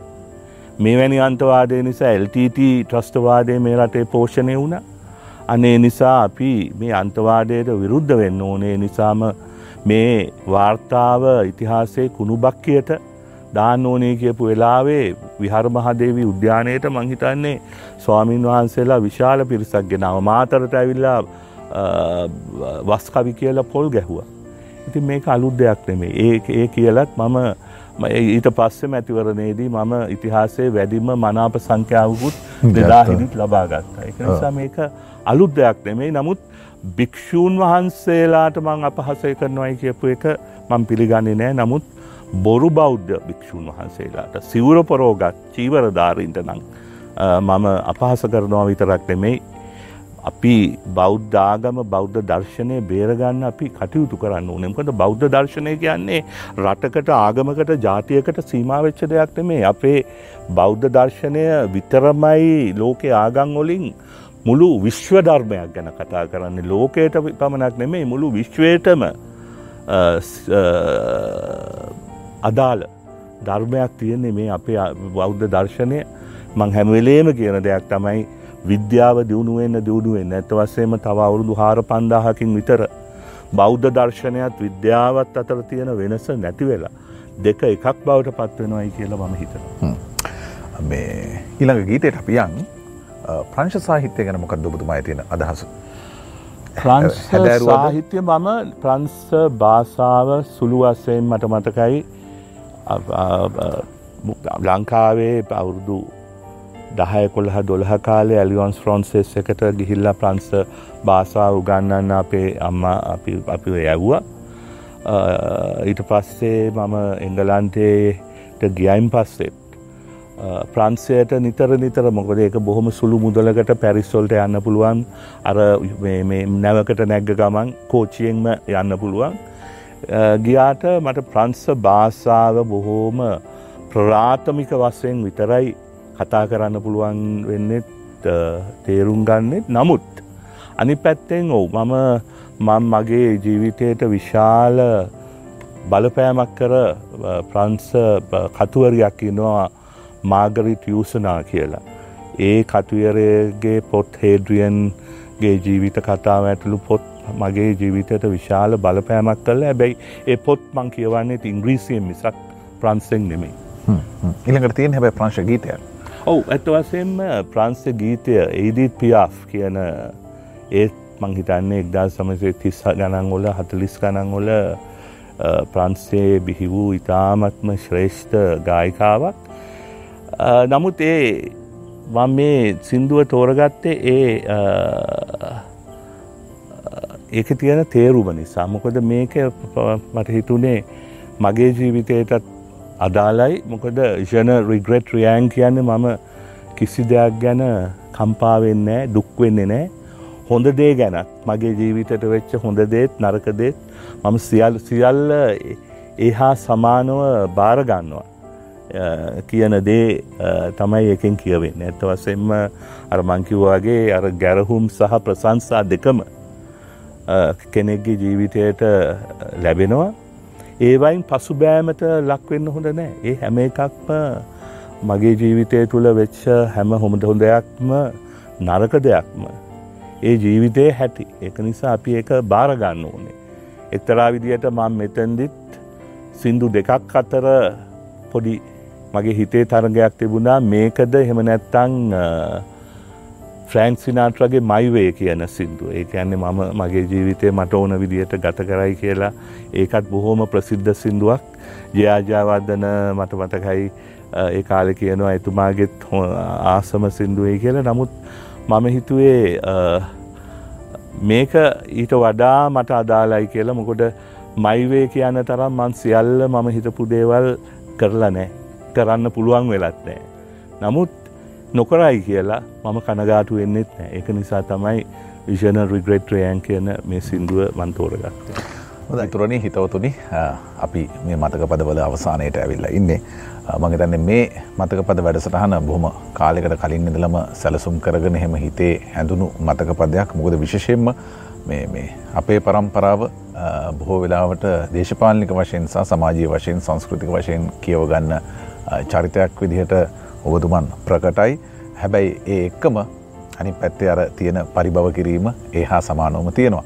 මට මේ යම් යම් අවස්ථාවන් වල මේ අපේ ආරෝහණ අවරෝහණ පිළිවෙල එතමට වුණ නිසා මට මේ අහන්න මෝන දෙයක් තියෙනවා එක තමයි මේ මේ දැන් වර්තමානයේ පාර්ලිමේන්තු ඇතුළේ අපට මේ හැන්සාඩ් එකක් ගත්තොත් එහෙම කියවලා යමක් කොළුවට දාගන්න තියෙනවා හරි අල්පයි අඩුයි.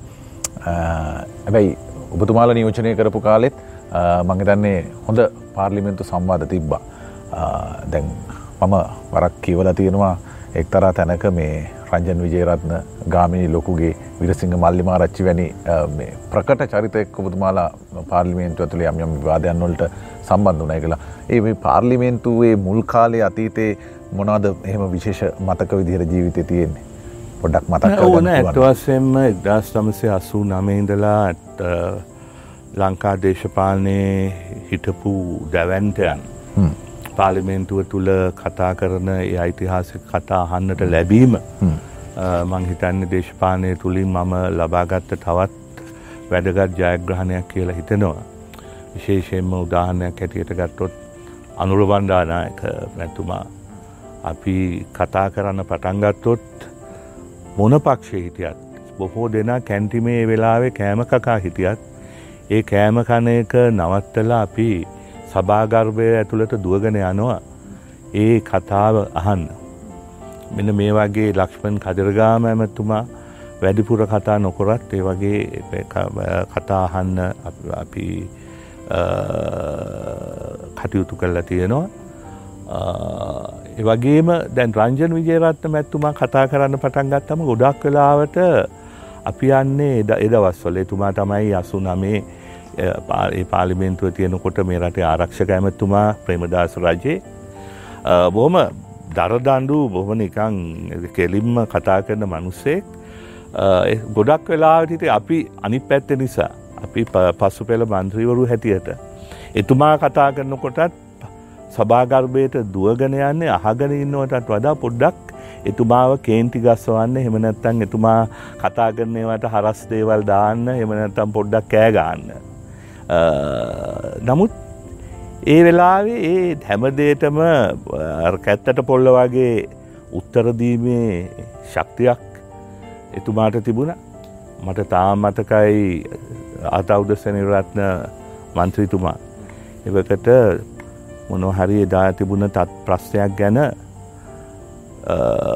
මහනුවර දල්දා මාලිගාව ඉස්සරහා විරෝධයක් දක්වන්නට ඒ පාමාංශික පක්ෂ කීපයක් ගිහිල්ල තිබුණ. එතන්දී පොලිසියෙන් ඇවිල්ලා ඒ අය විසරවා හැරලා තිබුණ තික බලහත්කාරීම වගේ ඒ සම්බන්ධයෙන් එතුමා පාලිමේන්තුවේ ප්‍රකාශයක් කරනකොට. එක පාට රංජින් විජේරත්න නැගිටලා ඒ ප්‍රස්සට පිළිතුරක් හැටියට ඇහුවේ මාක්ස්වාදය හැටුට තමුන්නාසලා දළදා මාලිගාවට ගිය අබින් හොයන්නද කියලා. එච්චරයි. මොකද අර මාක්ස්ගේ කියව කියනවානේ religion is the opium of the masters කියන්නේ ආගම කියන්නේ ජනතාවට අබින් දෙනවාගේ වැඩක් කියන එක මතක් වෙලා අර ප්‍රශ්න ඇහුව විතරයි. ආතවුද එක පාට නිහඬ වෙලා වාඩි වුණා. ඉති අන්න ඒ වගේ ඇත්තවස්සෙන්ම අපි ගොඩක් වෙලාවට එතුමා කියන දේවල් එක්ක එකතු එකඟ නොවනත්. එතුමා ඒ එතුමාගේ මතය වෙනුවෙන් රිජුව පෙනී හිටපු කෙනෙක් හැටියට එතුමත් එක්තරා විදියකට මගේ දේශපාන ජීවිතයටත් යම් ආදර්ශයක් වුණා. අනිත් එක එතුමාගෙන් ඉගෙනගත්ත හොඳම දේ තමයි. සභාගර්භය තුළ කොයි තරං හැප්පුනත් එලියට ගියයින් පස්සේ සභාගර්භයෙන් එලියට කැන්ටිමට ගියයින් පස්සේ එහෙම නැත්තං ඇවිදගෙන යනකොට හම්බුනොත් ඒ ඔක්කෝම තරහවල් හිතේ කහට කවදාවත් මුකුත් තිබුත්නෑ. එතන්දී කියන දේ කිව්වා එලියදි හම්බුණොත් ඉතාමත්ම හොඳ කෙනෙක් ඒක නිසා තමයි මට තාම් මතකයි මොනවහරි එකදී මම එතුමාට කෑගහල පොඩ්ඩක් එක ඇතුළේ හැප්පිලා ඊට පස්සේ මම එදා දවල් එලියට ගිහිල්ලා කැන්ටිමට යනකොට එතුමත් එතුමාගේ කාර්යාලයට ඇවිදමින් එනලා දෙමාව දැකලා මංගල මංගල එන්න එන්න මමත් එක්ක පොඩ්ඩක් එන්න කියලා. මොකද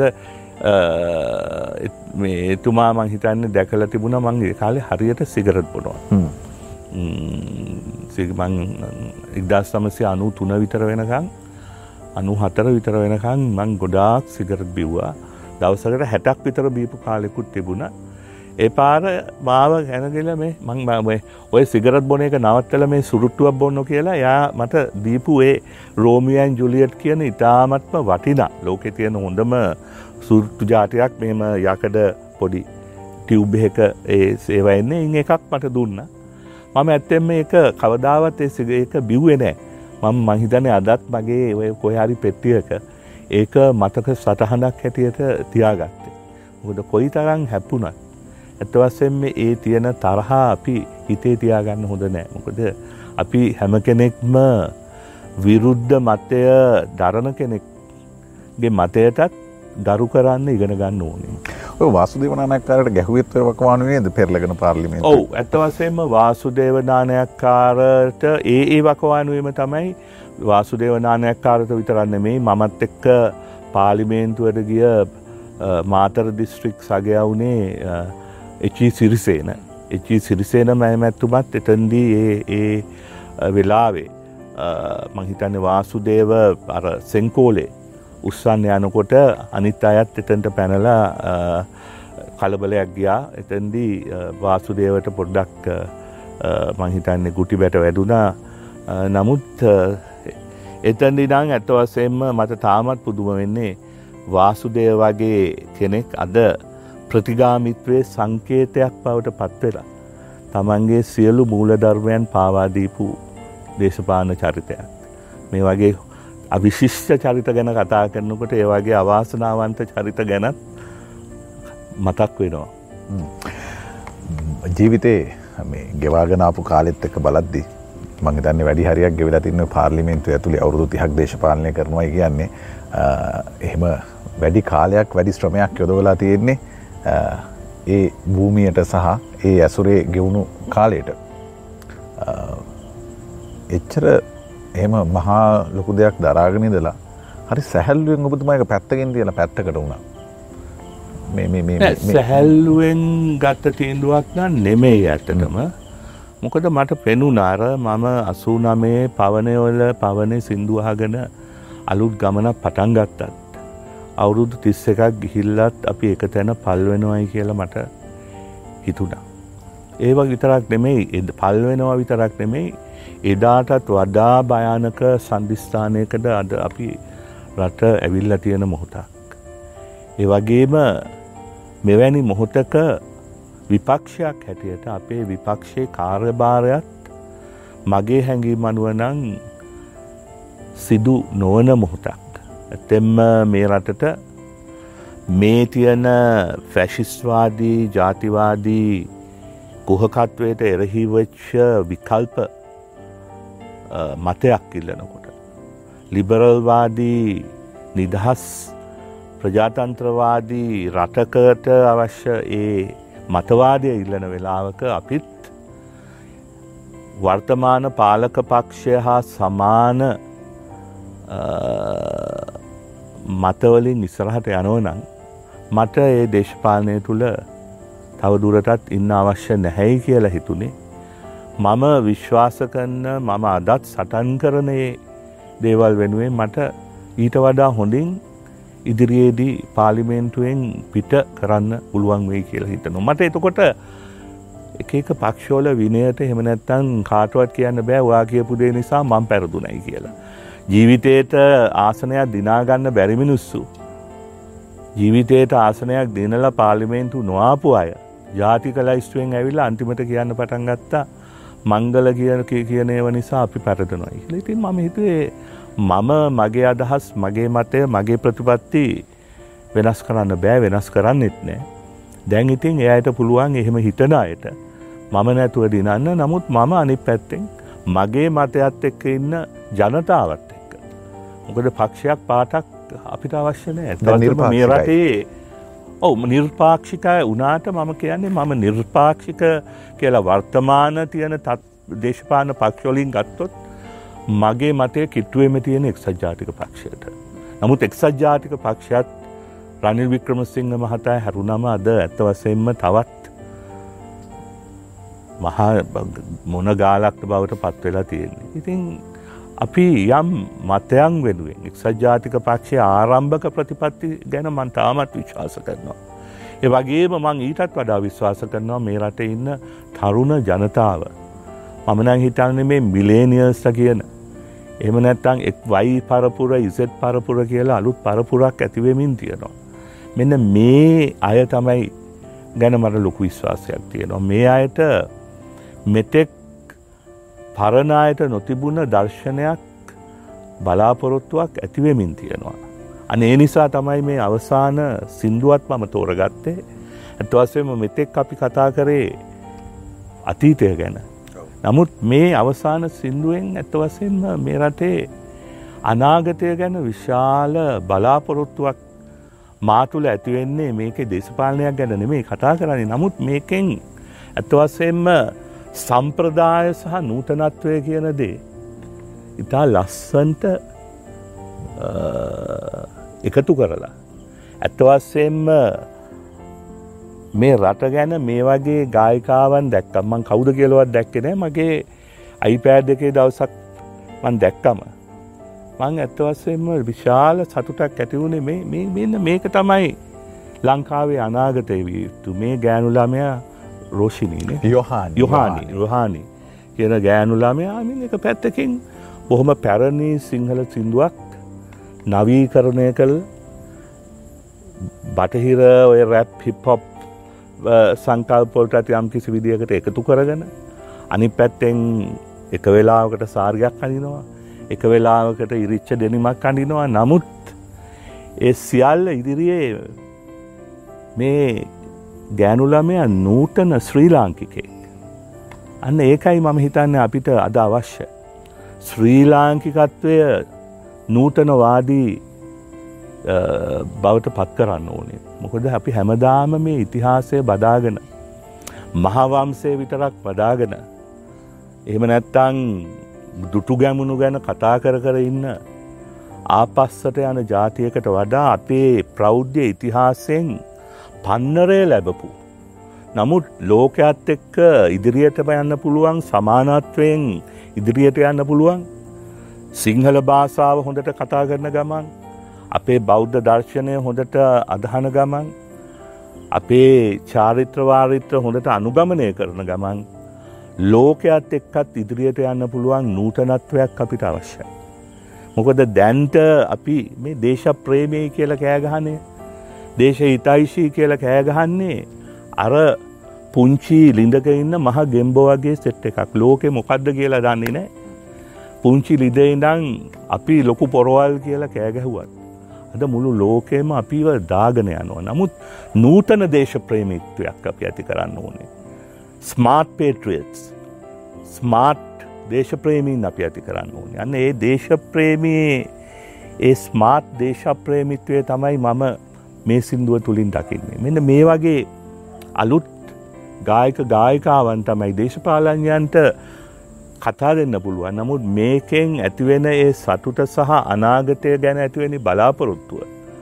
මම හිතන්නේ දේශපාලන කතා දාහකට වඩා ඒ බලාපොරොත්තුව මෙවැනි සින්දුවකින් ඇතිවෙනවා. යොහනිටත් මං දැන් හොඳ ඇගේීමක් එක අධ්‍යතනය ඉන්න තරුණ පරම්පරාවට වඩා ඔබතුමා යාවත් කාලින අප්ඩේට් මේ මහිතන් ඒකම නිසා වෙන්නද මේ මංගල අපේ රටේ දේශපාලනයට බර වැඩි කියලා මේ තරුණයෝ නිතර නිතර කියන්නේ. කොමටත් මේ ඉදිරිය පිළිබඳව අහනවට වඩා මේ කතාවත් මෙතරින් නවත්තමු. මේ මොහොත මේ කොයි වගේ මොහොතක්ද? ඊළඟ නිමේෂය අපි මොනවගේ තැනකටද යන්නේ? ඔබතුමාගේ සිතුවිල්ලත් එක්ක කියන රටක් හැටියටද? ඕ රටක් හැටියට. මම හිතන්නේ අපි ආලෝකය කරා යන ගමනට ඉස්සෙල්ලා මේ රටේ අන්දකාරය වැඩි වෙනවා. මේක දේශපාන වශයෙන් නෙමෙයි කියන්නේ.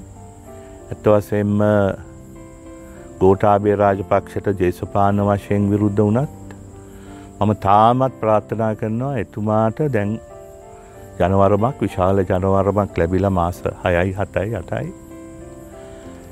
කොයි තරං අතීතයේ වැරදි කරපු අයට වනත් පැරණි වැරදි අභිබවා යමින් රට නව වේදිකාවකට නව යුගයකට ගෙනයන්න පුළුවන්නම් අපි ඒ අතීතය අමතක කරන්න ඕන. නමුත් අද මේ යන විදිය මේ මාසහත්තේදී අපි ඒ අත්දැකී මොලින් පේනවා පරණ ගමනටත් වඩා භයනක ගමනක් මේ කාලය තුළ රට ඒ කරා ඇදී යනොයි කියලා. ඇති නමුත් මට හිතෙනවා අර සමහරු කියනවා රාත්‍රියයේ අන්දකාරම මොහොත තියෙන්නේ එලිවෙන්න ඉස්සෙල්ලයි කියලා. එහෙමනම් අන්දකාරව මොහොතට රටට රට ගියත්. මම මේ රටේ ඉන්න තරුණ තරුණයන් ගැන අර එක්වයි ඉසෙත් පරම්පරා මිලේනියල් පරම්පරා. මේ රට මෙතෙක්කාපු ගමනට වඩා හොඳ ගමනක් ගෙනයන්නට එය අයට ශක්තිය ඒ වගේම මානසිකත්වය තියෙනවයි කියලා මගේ විශ්වාසයක් තියෙන.